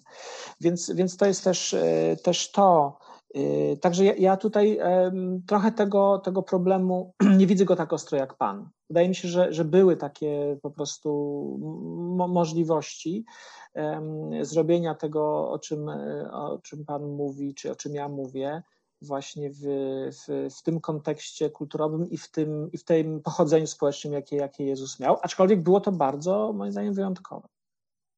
To tak y, najkrócej. Jak tu jeszcze się pojawiły pytania, takie tak. pisane pytania. jedno o relację, tak. jedno mhm. o relację pomiędzy pojęciem kairos a pojęciem daimoniona. Czy mhm. ten moment, kiedy uruchamia się, czy odzywa się daimonion, jest momentem kairotycznym, tak, tak bym to pytanie strawestował. No i, i kolejne, kolejne pytania o to, jak praktycznie rozszczelnić się, jak swoją podmiotowość rozszczelnić, prosimy o konkretną technikę. No y, właśnie to jest ten, y, ale ja powiedziałem o tym trochę nie wprost, czy mówiąc, że na pewno Jezus stosował technikę koanu, prawda? Czyli wypowiadania pewnych paradoksalnych formuł, z którymi zostawiał. I wydaje mi się, że, że medytacja nad tymi słowami, ale właśnie nie w, w kontekście doktryny chrześcijańskiej, która je absolutnie jakby wyjaśnia i osadza w zrozumiałym kontekście. A teraz zapomnijmy o tych dwóch tysiącach lat i przeczytajmy sobie przypowieść o talentach i spróbujmy ją zanalizować. E, kiedy Jezus mówi, e, nie wiem, albo, albo Y, albo mówi, y, coś może postrzego, żebym teraz nie streszczał całej tej przypowieści, że Jezus mówi, e, kto chce y, zyskać swoje życie, straci je, a kto, a kto straci je, no, tam jest to z mego powodu, no, czy to jest autentyczne, czy nie, no to zostawmy, ale nawet jeśli, to, to, to zachowa to życie. No to jest, to jest klasyczny koan. No bo, no bo co to znaczy zachować poprzez stratę? Y, czy stracić poprzez, poprzez zysk, prawda? Znaczy oczywiście, jeżeli osadzimy to w kontekście tego, że jest Zbawicielem i teraz kto w Niego wierzy, y, no to otrzyma łaskę Bożą, no to to jest już oswojone, jest pozamiatane. A teraz załóżmy, że Jezus tak o sobie nie myśli mówi pewną mądrościową rzecz, tak? Że, że, ten, że ten zyskuje kto roztrwania. Y, I spróbujmy to przemedytować, to ja myślę, że to może nam przeorać mózg. Y, tak bardzo konkretnie, że nawet może ta pustelnia nie jest tutaj konieczna. A druga rzecz to jest praktyka transgresji. E, e, ktoś ci, e, cię uderzył w twarz, no to mu nie oddaj, tylko nadstaw mu drugi policzek. Ktoś chce ci, ci zabrać suknię, no to poddaj mu i płaszcz. E, ktoś e, mówi, prze, chce, pyta, ile razy masz prze, prze, przebaczyć, e, czy 7 razy, mówi 77 razy i tak dalej, i tak dalej. My sobie znowu to oswoiliśmy w tak zwanej chrześcijańskiej etyce. Wiemy, co to, co to znaczy, że to jest praktykowanie miłosierdzia, dobrych uczynków, a za przeproszeniem gówno prawda. To w ogóle nie o to chodzi. To jest kompletnie po prostu zabetonowany dostęp do czegoś bardzo ożywczego bo, bo, bo przypuszczam, że nikt z nas, jak dostanie naprawdę w twarz, to, to, to nie powie uderz mnie jeszcze raz. Y, to nawet moim zdaniem jest poza możliwością naszej praktyki. Ale Jezus, Jezus jakby mówiąc coś takiego, prowokacyjnie pokazuje jakby mm, radykalną potrzebę wyzucia się z siebie, z tego naszego ego, które jest e, permanentną troską i łapczywością. E, praktykujmy e, zaprzeczenie tego, tego odruchu w nas, a wtedy mamy szansę zanurzyć się w kairos.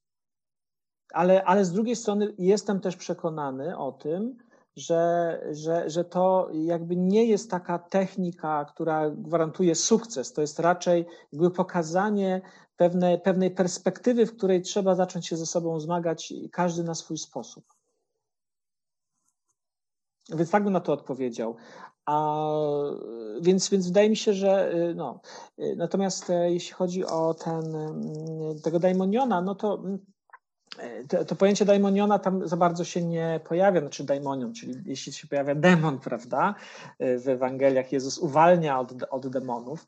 Natomiast, mm, natomiast e, ja próbuję pokazać w tej książce, jest taki cały rozdział pod tytułem Nasz mistrz Lucyfer, i, i próbuję pokazać, że właśnie Jezus był postacią demoniczną, choć akurat nie mówię tego w kontekście tego, że miał daimoniona, e, ale że, że, że ta daimoniczność Jezusa jest obecna, Y, czyli ta jego właśnie mm, osobliwość, coś niepokojącego y, w jego zachowaniu, to to jest jakiś taki bardziej y, refleks w kontekście tego pytania, pewne skojarzenie.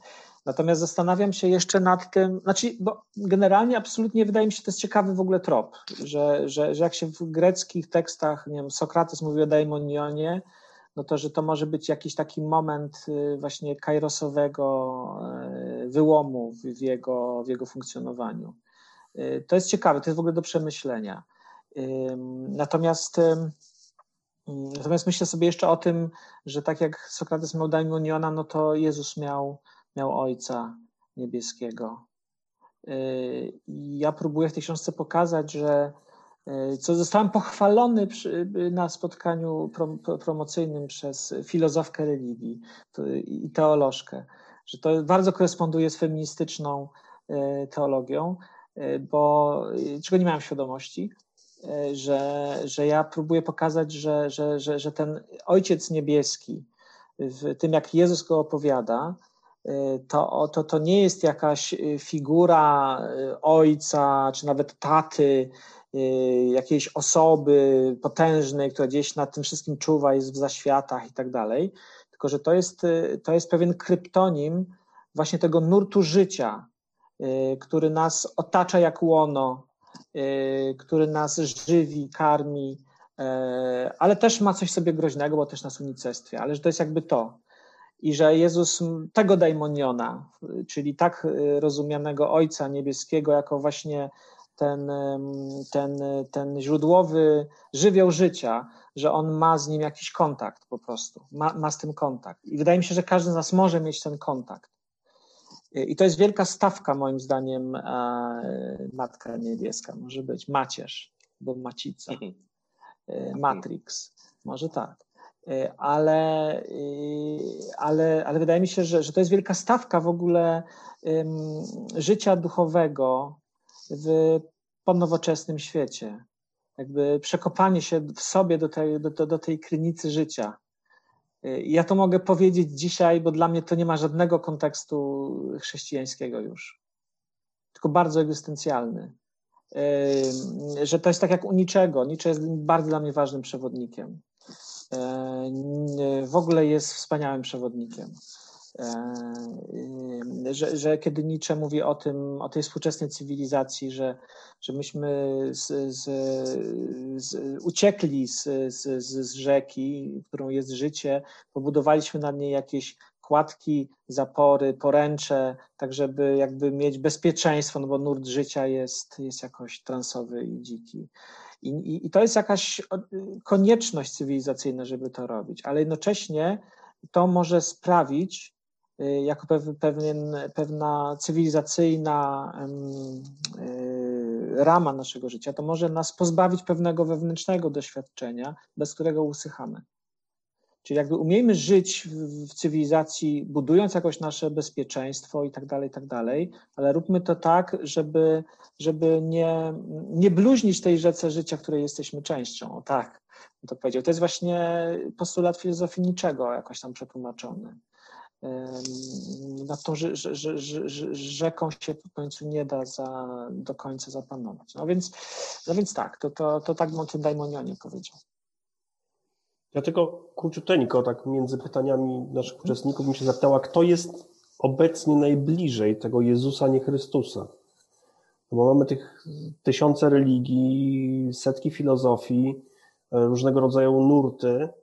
To kogo byś wskazał? Kto tak naprawdę jest najbliżej, e, można powiedzieć, no, może nie spadkobiercą, tylko jak gdyby te prawdy, o których powiedziałeś, kto będzie tutaj e, najbardziej zgodny z tą wizją, którą, którą odkryłeś w tym Jezusie, nie Chrystusie?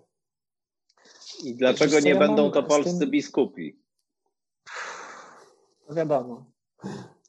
E, Pytania są tendencyjne. Tak, ale znaczy, jest to wielki e, problem. Znaczy, ja myślę, że, że może właśnie dlatego napisałem tę książkę, bo właśnie mi doskwiera brak tego rodzaju postaci, czy tego rodzaju drogowskazów. Wydaje mi się, że nie umiałbym zaryzykować, żeby jakąś konkretną postać wskazać.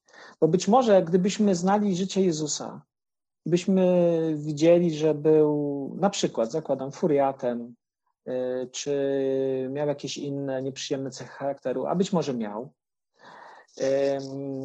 to też byśmy dzisiaj w nim tego nie, nie umieli do zobaczyć.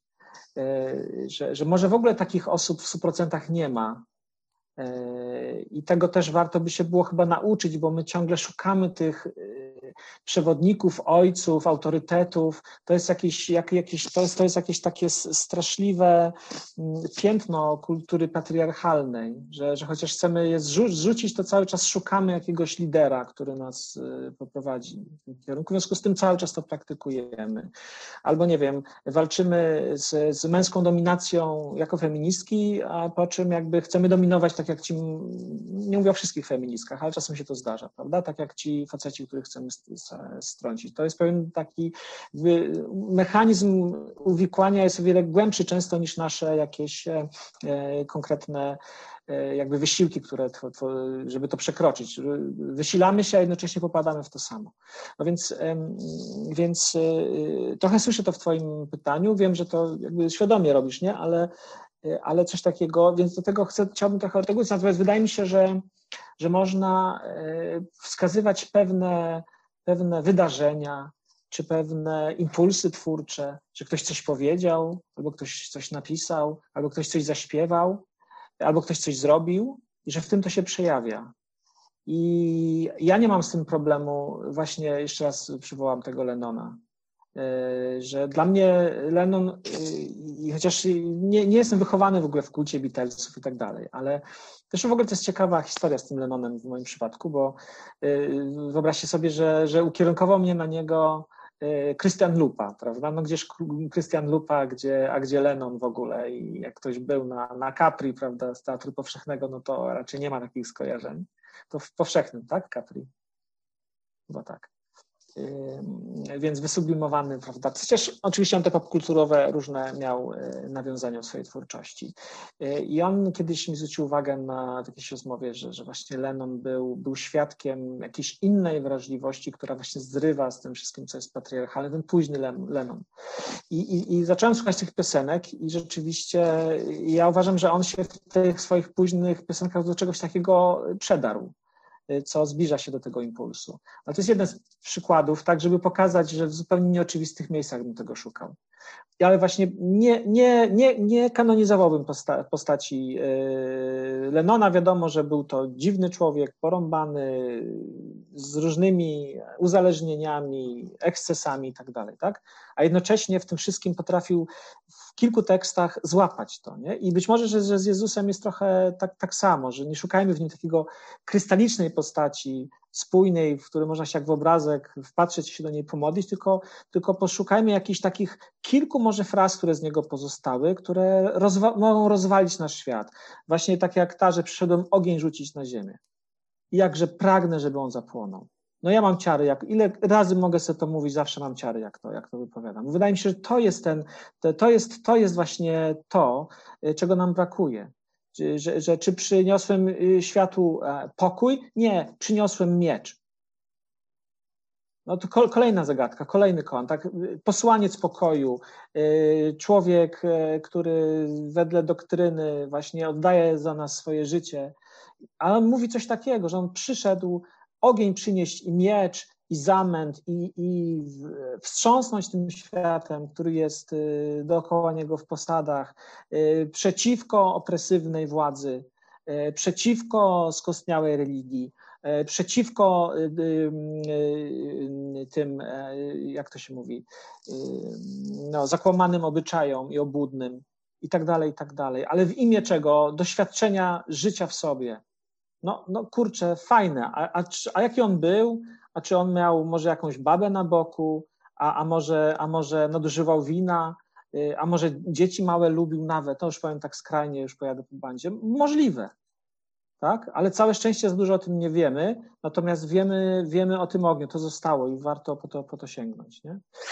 Więc, więc trochę tak bym o tym myślał. Tu było jeszcze jakieś takie pytanie o Sokratesa, ostatnie słowa, Krytionie dłużny. Tak, ja, ja powiem tak, ja napisałem książkę o Platonie, o Fedonie, gdzie on to wypowiada. Jak skończyłem pisać tę książkę, to miałem takie poczucie, że rozumiem te słowa. Ale uprawiałem y, taką mniej więcej dwuletnią hermeneutykę tego tekstu i powiem szczerze, że, że, że już zapomniałem, jak, rozumiałem te słowa. E, że to, to są jakieś bardzo hermetyczne, jest to zakodowane przesłanie, myślę. Więc nie jest tak łatwo. E, ten Asklepios, Asklepios rozumiem go jako syna Apollina, e, i, i to jest jakiś trop, więc, więc, więc Apollinowi Koguta, no, mm. ale, ale też, no właśnie, więc co bym się nie podejmował dzisiaj. Natomiast ostatnie słowa Jezusa niezwykle ciekawe, E, Boże mój, czemuś mnie opuścił. E, no i można powiedzieć znowu, jakich ekwilibrystyk dokonuje tradycja chrześcijańska, żeby sobie z tym, z tym poradzić. I, I, był pewnie u was Sebastian Duda, to ma pewnie mówił pustka po Bogu, prawda? I tak dalej. Ja w ogóle bardzo szanuję Sebastiana, przyjaźnimy się, ale w tym jest jakby, to, to jest coś takiego moim zdaniem, co co jest pokazaniem środkowego palca wszystkim, wszystkim powiedzmy teologom, najbardziej nawet zniosłym, mistycznym. Znaczy w tych słowach moim zdaniem jest jakieś, jakieś głębokie doświadczenie e, życia zakodowane, e, którego właśnie chrześcijaństwo się panicznie boi. Czy bo, bo wydaje mi się, że ta podstawowa różnica między Jezusem, ale też właśnie Niczem, czy każdym jakby świadkiem tego skomunikowania z, z, z pierwotnym żywiołem, a chrześcijaństwem.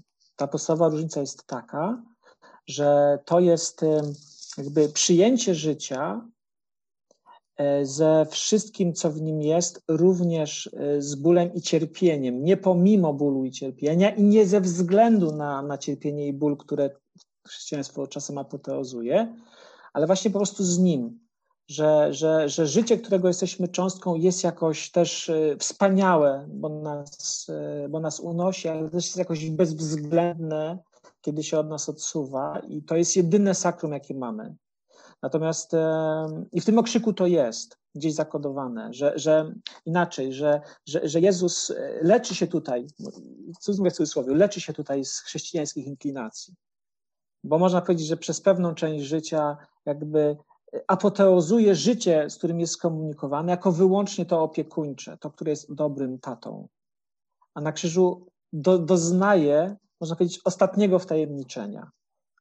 Czyli jakby doznaje tego, że w tym ojcu, czyli życiu, którego był świadkiem i sługą, że jest pewna też jakby nieprzekraczalna wyższość i, i bezwzględność i, e, i, i, że tego się nie da oswoić. Ja to słyszę w tym, w tym, w tym okrzyku i piszę też o tym, tak? że tutaj on, on, a natomiast chrześcijaństwo cały czas pompuje nam dobrego Boga, dobrego Ojca, miłosiernego, nic ci się złego nie stanie, jak będziesz, choćbym szedł ciemną doliną, prawda, do zła się nie ulęknę, bo tu jesteś ze mną, śpiewa psalmista. I to cały czas gra w naszych, w cudzysłowie naszych, no, czyich to czyich, prawda, ale mówię o pewnym, pewnej masie krytycznej, jednak ciągle w naszych głowach. Mm, wydaje mi się, że, że, że Jezus y, y, wyrósł w takiej kulturze, że to wchłonął, natomiast poprzez swoją działalność, a zwłaszcza na krzyżu, przekroczył to. Ja pokazuję w książce, że to przekroczenie jest w tym, e, w tym e, że on się tutaj staje naprawdę Dionizosem. I to przekroczenie dokonuje się na krzyżu. Natomiast ja próbuję pokazać, i to jest, y, y, że, że, i to jest pewna y, ciekawostka, myślę, tej książki. Ja próbuję pokazać, że jak z tej perspektywy retrospektywnie spojrzy się na to, co, co Jezus mówił za życia, to, że ten element takiego życia poza dobrem i złem, którego jesteśmy cząstką, i uwielbienia tego życia, że ona jest już, że to już jest w tych wcześniejszych tekstach. Tak, że, że słysząc Jezusa na krzyżu, można wtedy zrozumieć do końca to, czego on jest świadkiem już wcześniej. I to też próbuję jakoś uzasadnić. Tylko proszę Państwa, ja mam nadzieję, że ja nie mówię jak kaznodzieja, co? nie, no, trochę tak.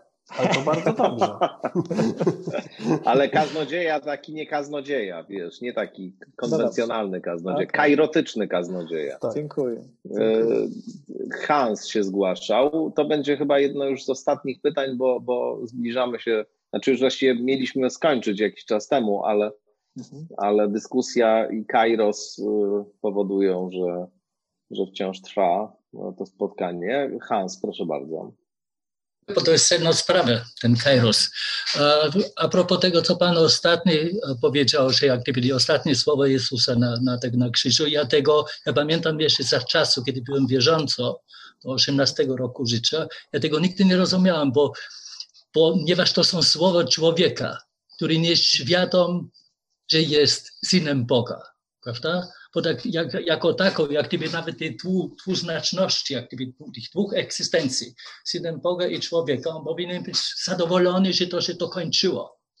Prawda? Przynajmniej nie mieć szal. Mam z głowy, przepraszam za banalne, za banalne słowo, a nie jak gdyby poczucie, bo to są, to, jest, to są słowa jak gdyby beznadziejne. Prawda? Czemu ten, który jest moim ojcem, mnie opuścił? Prawda? To można dyskutować na lewo i na prawo, ale to jest treść tego słowa. Mhm. To jest pierwsza sprawa. Druga jest, że no, z, tym, z tym kairos, bo Pan mówił, że no to jest pewien, jak gdyby ten kairos też ma, albo Pan przynajmniej adaptuje do, jako element jak gdyby techniczny wręcz, prawda? Czy możemy jak gdyby cząstek, jak gdyby tej religii, czy jesteśmy wierzący, czy nie jesteśmy wierzący, przyjąć jako jako, jako sposób zachowania się do innych. Prawda? Albo Pan też mówi, że no to może jest to tak, że my, jak teraz żyjemy, byśmy w ogóle nie zrozumieli to, co wówczas te słowa były, były powiedziane. Ja mam wrażenie, jak gdyby właśnie w tym jest, w tym jest ta sedno sprawy, że jak gdyby to jest różnica między filozofią i religią. No, religia jednak jest wiara, wola do wiary w transcendentalności, który nie jest do sprawdzania, prawda? To, to nie da rady. I tylko w tym ten kairos się ujawni, prawda? Ten, ten kairos jest uzależniony od tej wiary, o tym, że ja po prostu, że ja jestem przekonany, że, że tak jest, jak w, tych, jak w tych słowach przynajmniej, które najbardziej przytaczają jak gdyby tego historycznego Jezusa, e, e, które są tam, tam pisane. Właśnie i to nas różni od filozofowanie na ten temat. I, i, I, z tym też mam problem, z jakiej pozycji Pan jakby analizuje, dyskutuje albo zastanawia się. Bo z definicji religii jest to, że to jest, to jest, to jest patrzyłam jeszcze w, w tym słowniku, w słowniku, w leksykon, że to jest wiara, to, że to jest wiara, światopogląd, to jest światopogląd polegający na wiary e, w, w się tego transcendentalne prawda? No jak tej wiary nie mam, no filozofia jest, nie, jest czymś innym. Filozofia jako, jako, jako nauka jednak no, opiera się już, nie mówię o, o tej amerykańskiej, o tej analitycznej filozofii. Jednak jest, jest ona jak gdyby nastawiona naukowo do tego, do sprawy. I naukowo prawdopodobnie nigdy tego nie złapiemy, bo ona, bo ona, bo ona nam ucieka jak gdyby przez ten element z definicji nawet prawda? Ona nie jest pytanie to jak gdyby do racjonalności. To z tym mam problem i ciekaw jest, jak, jak się Pan do tego zbliża. Dziękuję bardzo. Nie wiem, czy było wyraźnie. Tak, tak, dziękuję bardzo. Chociaż kwestia nie jest prosta. I, znaczy ja bym powiedział tak, że no to tej pierwszej kwestii tych ostatnich słów, no właśnie, które no właśnie są uwierające i, i one, one były od początku uwierające i to naprawdę jest rozbrajające, co autor Ewangelii Łukasza, jak sobie z tym radzi, mówi, że Ojcze w Twoje ręce powierzam ducha mojego. Koniec końców jest to. No, to jest strasznie słabe. Znaczy, w moim odczuciu to jest strasznie słabe i, i pokazuje też jakąś rozmijanie się, od początku rozmijanie się e, wspólnoty chrześcijańskiej z tym, co, co, co jest impulsem Jezusa. E, chociaż nie mówię, że to rozmijanie jest e, jakby totalne zawsze i do końca, czy że, że oczywiście są te wspaniałe jakieś przebłyski, ale generalnie jest, że, że, że to cały mechanizm jest raczej mechanizm rozmijania się. E, natomiast e, ta, ta kwestia religii, tak, bo ja to trochę też tak rozumiem, że, że ja trochę jakbym tutaj chciał bronić religii. E, I um, znaczy nie, znaczy to, to, czego chciałbym bronić, to chciałbym bronić czegoś takiego jak, jak, jak duchowość i, i jak duchowe życie że to jest jakoś tak strasznie zdezawuowane i obciążone pojęcie, tak jakoś bardzo właśnie zawłaszczone przez religię, tą właśnie dominującą u nas. I jeżeli już coś poza to wychodzi, no to, to jakaś ezoteryka się robi, czy, czy w ogóle jakiś, nie wiem, coaching, czy coś, i że, że jakby nie ma, nie ma możliwości jakiegoś takiego um,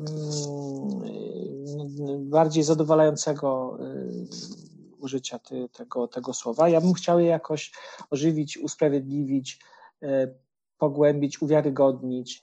E, I to jest moja intencja. Ja, ja nie będę, znaczy, jeżeli zdefiniujemy tak religię, że to jest e, światopogląd oparty na wierze w jakąś taką lub inną wizję transcendencji i pewnego pewnie jeszcze potem autorytetu, który, który ma do tego dystrybuować dostęp, to oczywiście dajmy sobie, to co ja robię jest antytezą w ogóle religii i, i, i próbą pokazania, że Jezus nie jest, e, nie jest e, figurą e, fundującą religię, jest raczej kimś, kto funkcjonował w obrębie pewnej religii jako bardzo mocno taki krytyczny czynnik, że był, był trochę, tak jak każda mistyka jest problemem w obrębie każdej religii, tak Jezus jest właśnie bardziej po stronie tego co, co ten impuls religijny rozszczelnia, jakoś y, y, stawia mu wyzwanie, y, stawia mu opór. I, i, i tak bym go, go rozumiał. Też mi się wydaje, że rzeczywiście nie ma możliwości w obrębie systemu religijnego dystrybuowania doświadczenia kairosu. Znaczy, że właśnie uważam, że to jest bardzo osobiste doświadczenie egzystencjalne i ja wątpię osobiście w to, czy, czy wiara i praktyka religijna jest, jest czymś, co, co może w ten, to doświadczenie kairosu wprowadzać. Raczej powiedziałbym, że dzieje się to rzadko, a najczęściej jest to, mm, jest to, jest to właśnie coś, co w pewnym sensie jest substytutem, przynajmniej w tej tradycji chrześcijańskiej. Natomiast z drugiej strony, jeżeli ja w ogóle pozostawiam ten, to słowo religia w moim tekście, to trochę ze względu na, na, na grecką religijność, y, którą, y, którą w jakimś jej źródłowym impulsie E, cenię, a która moim e, zdaniem jednak potrafi nas skomunikować, e, czy potrafiła komunikować z żywiołem życia, tak samo jak, jak mistyka, która gdzieś na granicy religii się, się plasuje, czy buddyzm jako czymś, co jest jakoś kontestujące, ale jednak na granicy religii hinduistycznej, prawda, że, że gdzieś tutaj na tych marginesach religii coś ważnego się dzieje i może dlatego. Poza tym cykl mówi o, i Państwo zaczęliście od tego pojęcia religii. Ono, ono w mojej próbie tak naprawdę nie odgrywa żadnego istotnego e, znaczenia. Natomiast ja rzeczywiście, Pan pyta moją perspektywę. No to to jest, no to jest perspektywa, jakby ją nazwać, filozofii, no nie wiem, hermeneutycznej, tak? To znaczy, że, że, mm, że ja próbuję e, poprzez czytanie tych słów Jezusa i rozważanie, które mogą być bliżej, które mogą być dalej, jakichś przetworzeń kulturowych, nawet takich nieświadomych tej figury w literaturze, mm, ja próbuję zbliżyć się do, do pewnego y, przedrozumienia, które wydaje mi się, że w sobie noszę i że, które nosi w sobie każdy człowiek. Że każdy ma w sobie jako jakieś już zakodowaną matrycę czy potrzebę doświadczenia kairosu. Y, nawet jeżeli w swoim życiu się od tego odcina, to ma. I, w związku z tym, jeżeli nazwiemy to doświadczenie kairosu właśnie impulsem Jezusa, no to, że mamy wszyscy jakoś z nim styk, Y, a poprzez użycie różnych tekstów, że możemy jakby i analizę ich, możemy w sobie owo, owo takie przynajmniej potencjalne doświadczenie jakoś uruchomić. Więc to jest trochę tego rodzaju myślenia. Ja nie wiem, czy ja do końca odpowiadam na Pana pytanie, ale na ile jakby je zrozumiałem, to, to tak bym na nie odpowiedział. Jak, jak może, mogę jeszcze na, na sekundę tylko. Okej, okay, tak króciutko tylko, bo już musimy kończyć. No bo dla mnie, dla, dla mnie naj, najistotniejszym rzeczem jak tej, tej, tej, tej, tej religii, też tego kairosu, i może to tak jest, że to jest jednak ta, to są przypowieści, które, które na, nas nakłaniają jak gdyby do miłości do drugiej osoby, która nie jest naszą rodziną, prawda? Do tego obcego. Przecież to jest, i to, to, to mi zostało, bo to jest przecież rzeczywiście fantastyczne.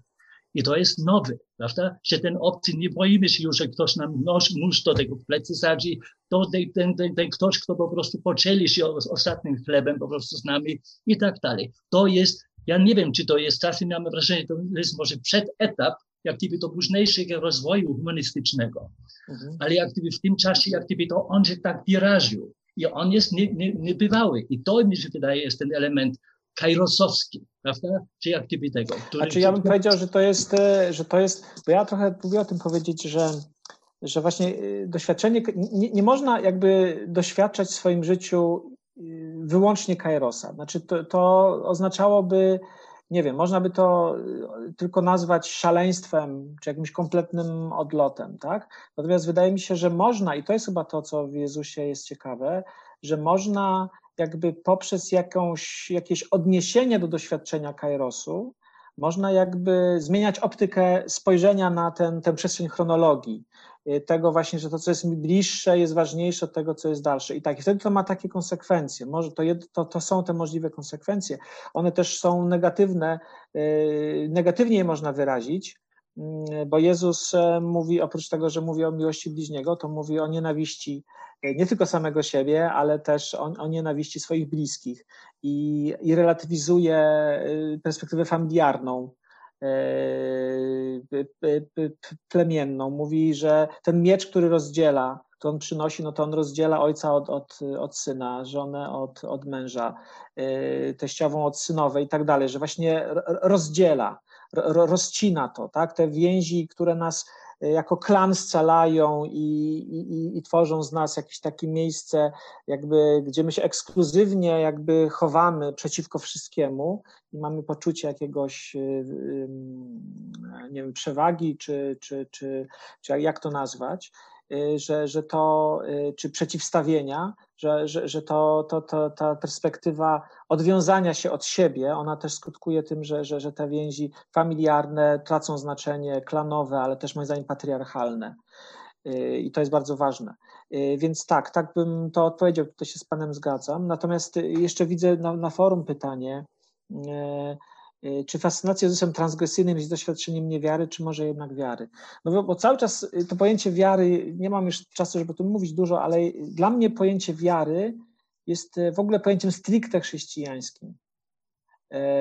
To jest pojęcie stricte chrześcijańskie, które ma zastąpić pewne, jeśli tak mogę powiedzieć, naturalne doświadczenie nazwijmy je religijnym, czy, czy, czy, czy kairosowym, czy jakimkolwiek, ma zastąpić, i to, to jest pewna konstrukcja, która ma, znaczy inaczej, jeżeli Bóg i boskość to jest życie, które mnie przenika, e, czy, czy, czy nie wiem, tak namacalnie powiedzieć, że to jest jakby ziemia, która leży pod moimi nogami, to, to wiara nie jest potrzebna. Tego się po prostu doświadcza. Tak? Y, to źródłowe greckie doświadczenie boskości to jest doświadczenie. Grecy mieszkają z bogami i doświadczają bogów, czyli doświadczają boskiego czy świętego życia, które ma, jak w ich wyobrażeniu, różne konkretyzacje, prawda? I wtedy są nadawane imiona. A tego się doświadcza. Natomiast jak się buduje obraz y, ponadświatowej istoty, która wszystkim włada, y, no to wtedy jest potrzebna wiara, czyli jakby, no bo, no bo jej doświadczyć jest nie sposób. Jej doświadczyć jej nie sposób. Mówi się doświadczyć w wierze. No, umówmy się, że, że to jest pewien bardzo sprawny wymyk intelektualny, tak? Mm, e, to doświadczyć, e, tylko w cudzysłowie bym tutaj dał właśnie. Wiara jest tym jakimś sposobem, jest, to jest bardzo dziwne pojęcie, to można było osobno o tym całe spotkanie zrobić. Więc, e, więc to Jezus Chrystus Superstar, ja wolę, ja wolę Klaus Kiński, Jezus Chrystus Erlöser, kiedy on mówi ich bin nicht euer, jak to jest? Euer Superstar, tak? E, przepraszam, że, że kaleczę. Nie jestem waszym superstar, tak? Wolę to, ale być może, że nie doceniam. Natomiast ten wspaniały performance Klausa Kińskiego, E, który można obejrzeć w internecie, na YouTubie z angielskimi podpisami. No to jest coś fantastycznego. To jest mi coś bliskiego, choć wydaje mi się, że, że w chińskim, w tym performansie po, pozostaje jeszcze jakiś taki sentyment religijny do Chrystusa. E, e, Dobrze. Tak, tak bardzo, bardzo dziękujemy. To będzie puenta naszego, naszego dzisiejszego spotkania, arcyciekawego i w ogóle kairotycznego i gęstego od treści, jak sądzę. Mm, profesor Piotr Augustyniak, bardzo dziękujemy Piotrze, że zgodziłeś Dziękuję się tutaj z nami porozmawiać. Bardzo dziękujemy raz jeszcze za dzisiejsze spotkanie, no i wszystkiego dobrego. Trzymajcie się. Jeżeli uznajecie ten podcast za wartościowy, jeżeli macie poczucie, że coś istotnego w wasze życie, w wasze rozumienie świata wnosi, to zachęcam do tego, żeby wspierać skądinąd finansowo za pośrednictwem Patronite albo mojej strony internetowej www.stawiszynski.org. No, na Patronite to prosty adres www.patronite.pl łamane na skandinat. Każdy grosz się liczy, każdy grosz pozwala istnieć i rozwijać się temu podcastowi. Przypomnę, że dla subskrybentek, subskrybentów, e, wszystkich mamy grupę zamkniętą na Facebooku, na której dyskutujemy, wymieniamy się różnymi e, tekstami, obserwacjami. A dla osób, które wspierają ten podcast kwotą 20 zł miesięcznie i wyżej, mamy również specjalny newsletter, który wysyłam co tydzień po każdym odcinku w środy i który zawiera rozmaite rekomendacje dotyczące tego, co jeszcze warto przeczytać, z czym może warto się zapoznać, jakie książki warto mieć. To wszystko oczywiście w kontekście czy wokół tematu, który w danym odcinku jest. Wszystkim patronkom, patronom, subskrybentkom, subskrybentom bardzo, bardzo serdecznie dziękuję za każde wsparcie. Dzięki dla pani Iwony Górskiej-Kotca, która jest absolutną rekordzistką, jeśli chodzi o wspieranie podcastu Skądinąd i życzę Państwu oczywiście wszystkiego najlepszego. No i jeszcze raz do usłyszenia.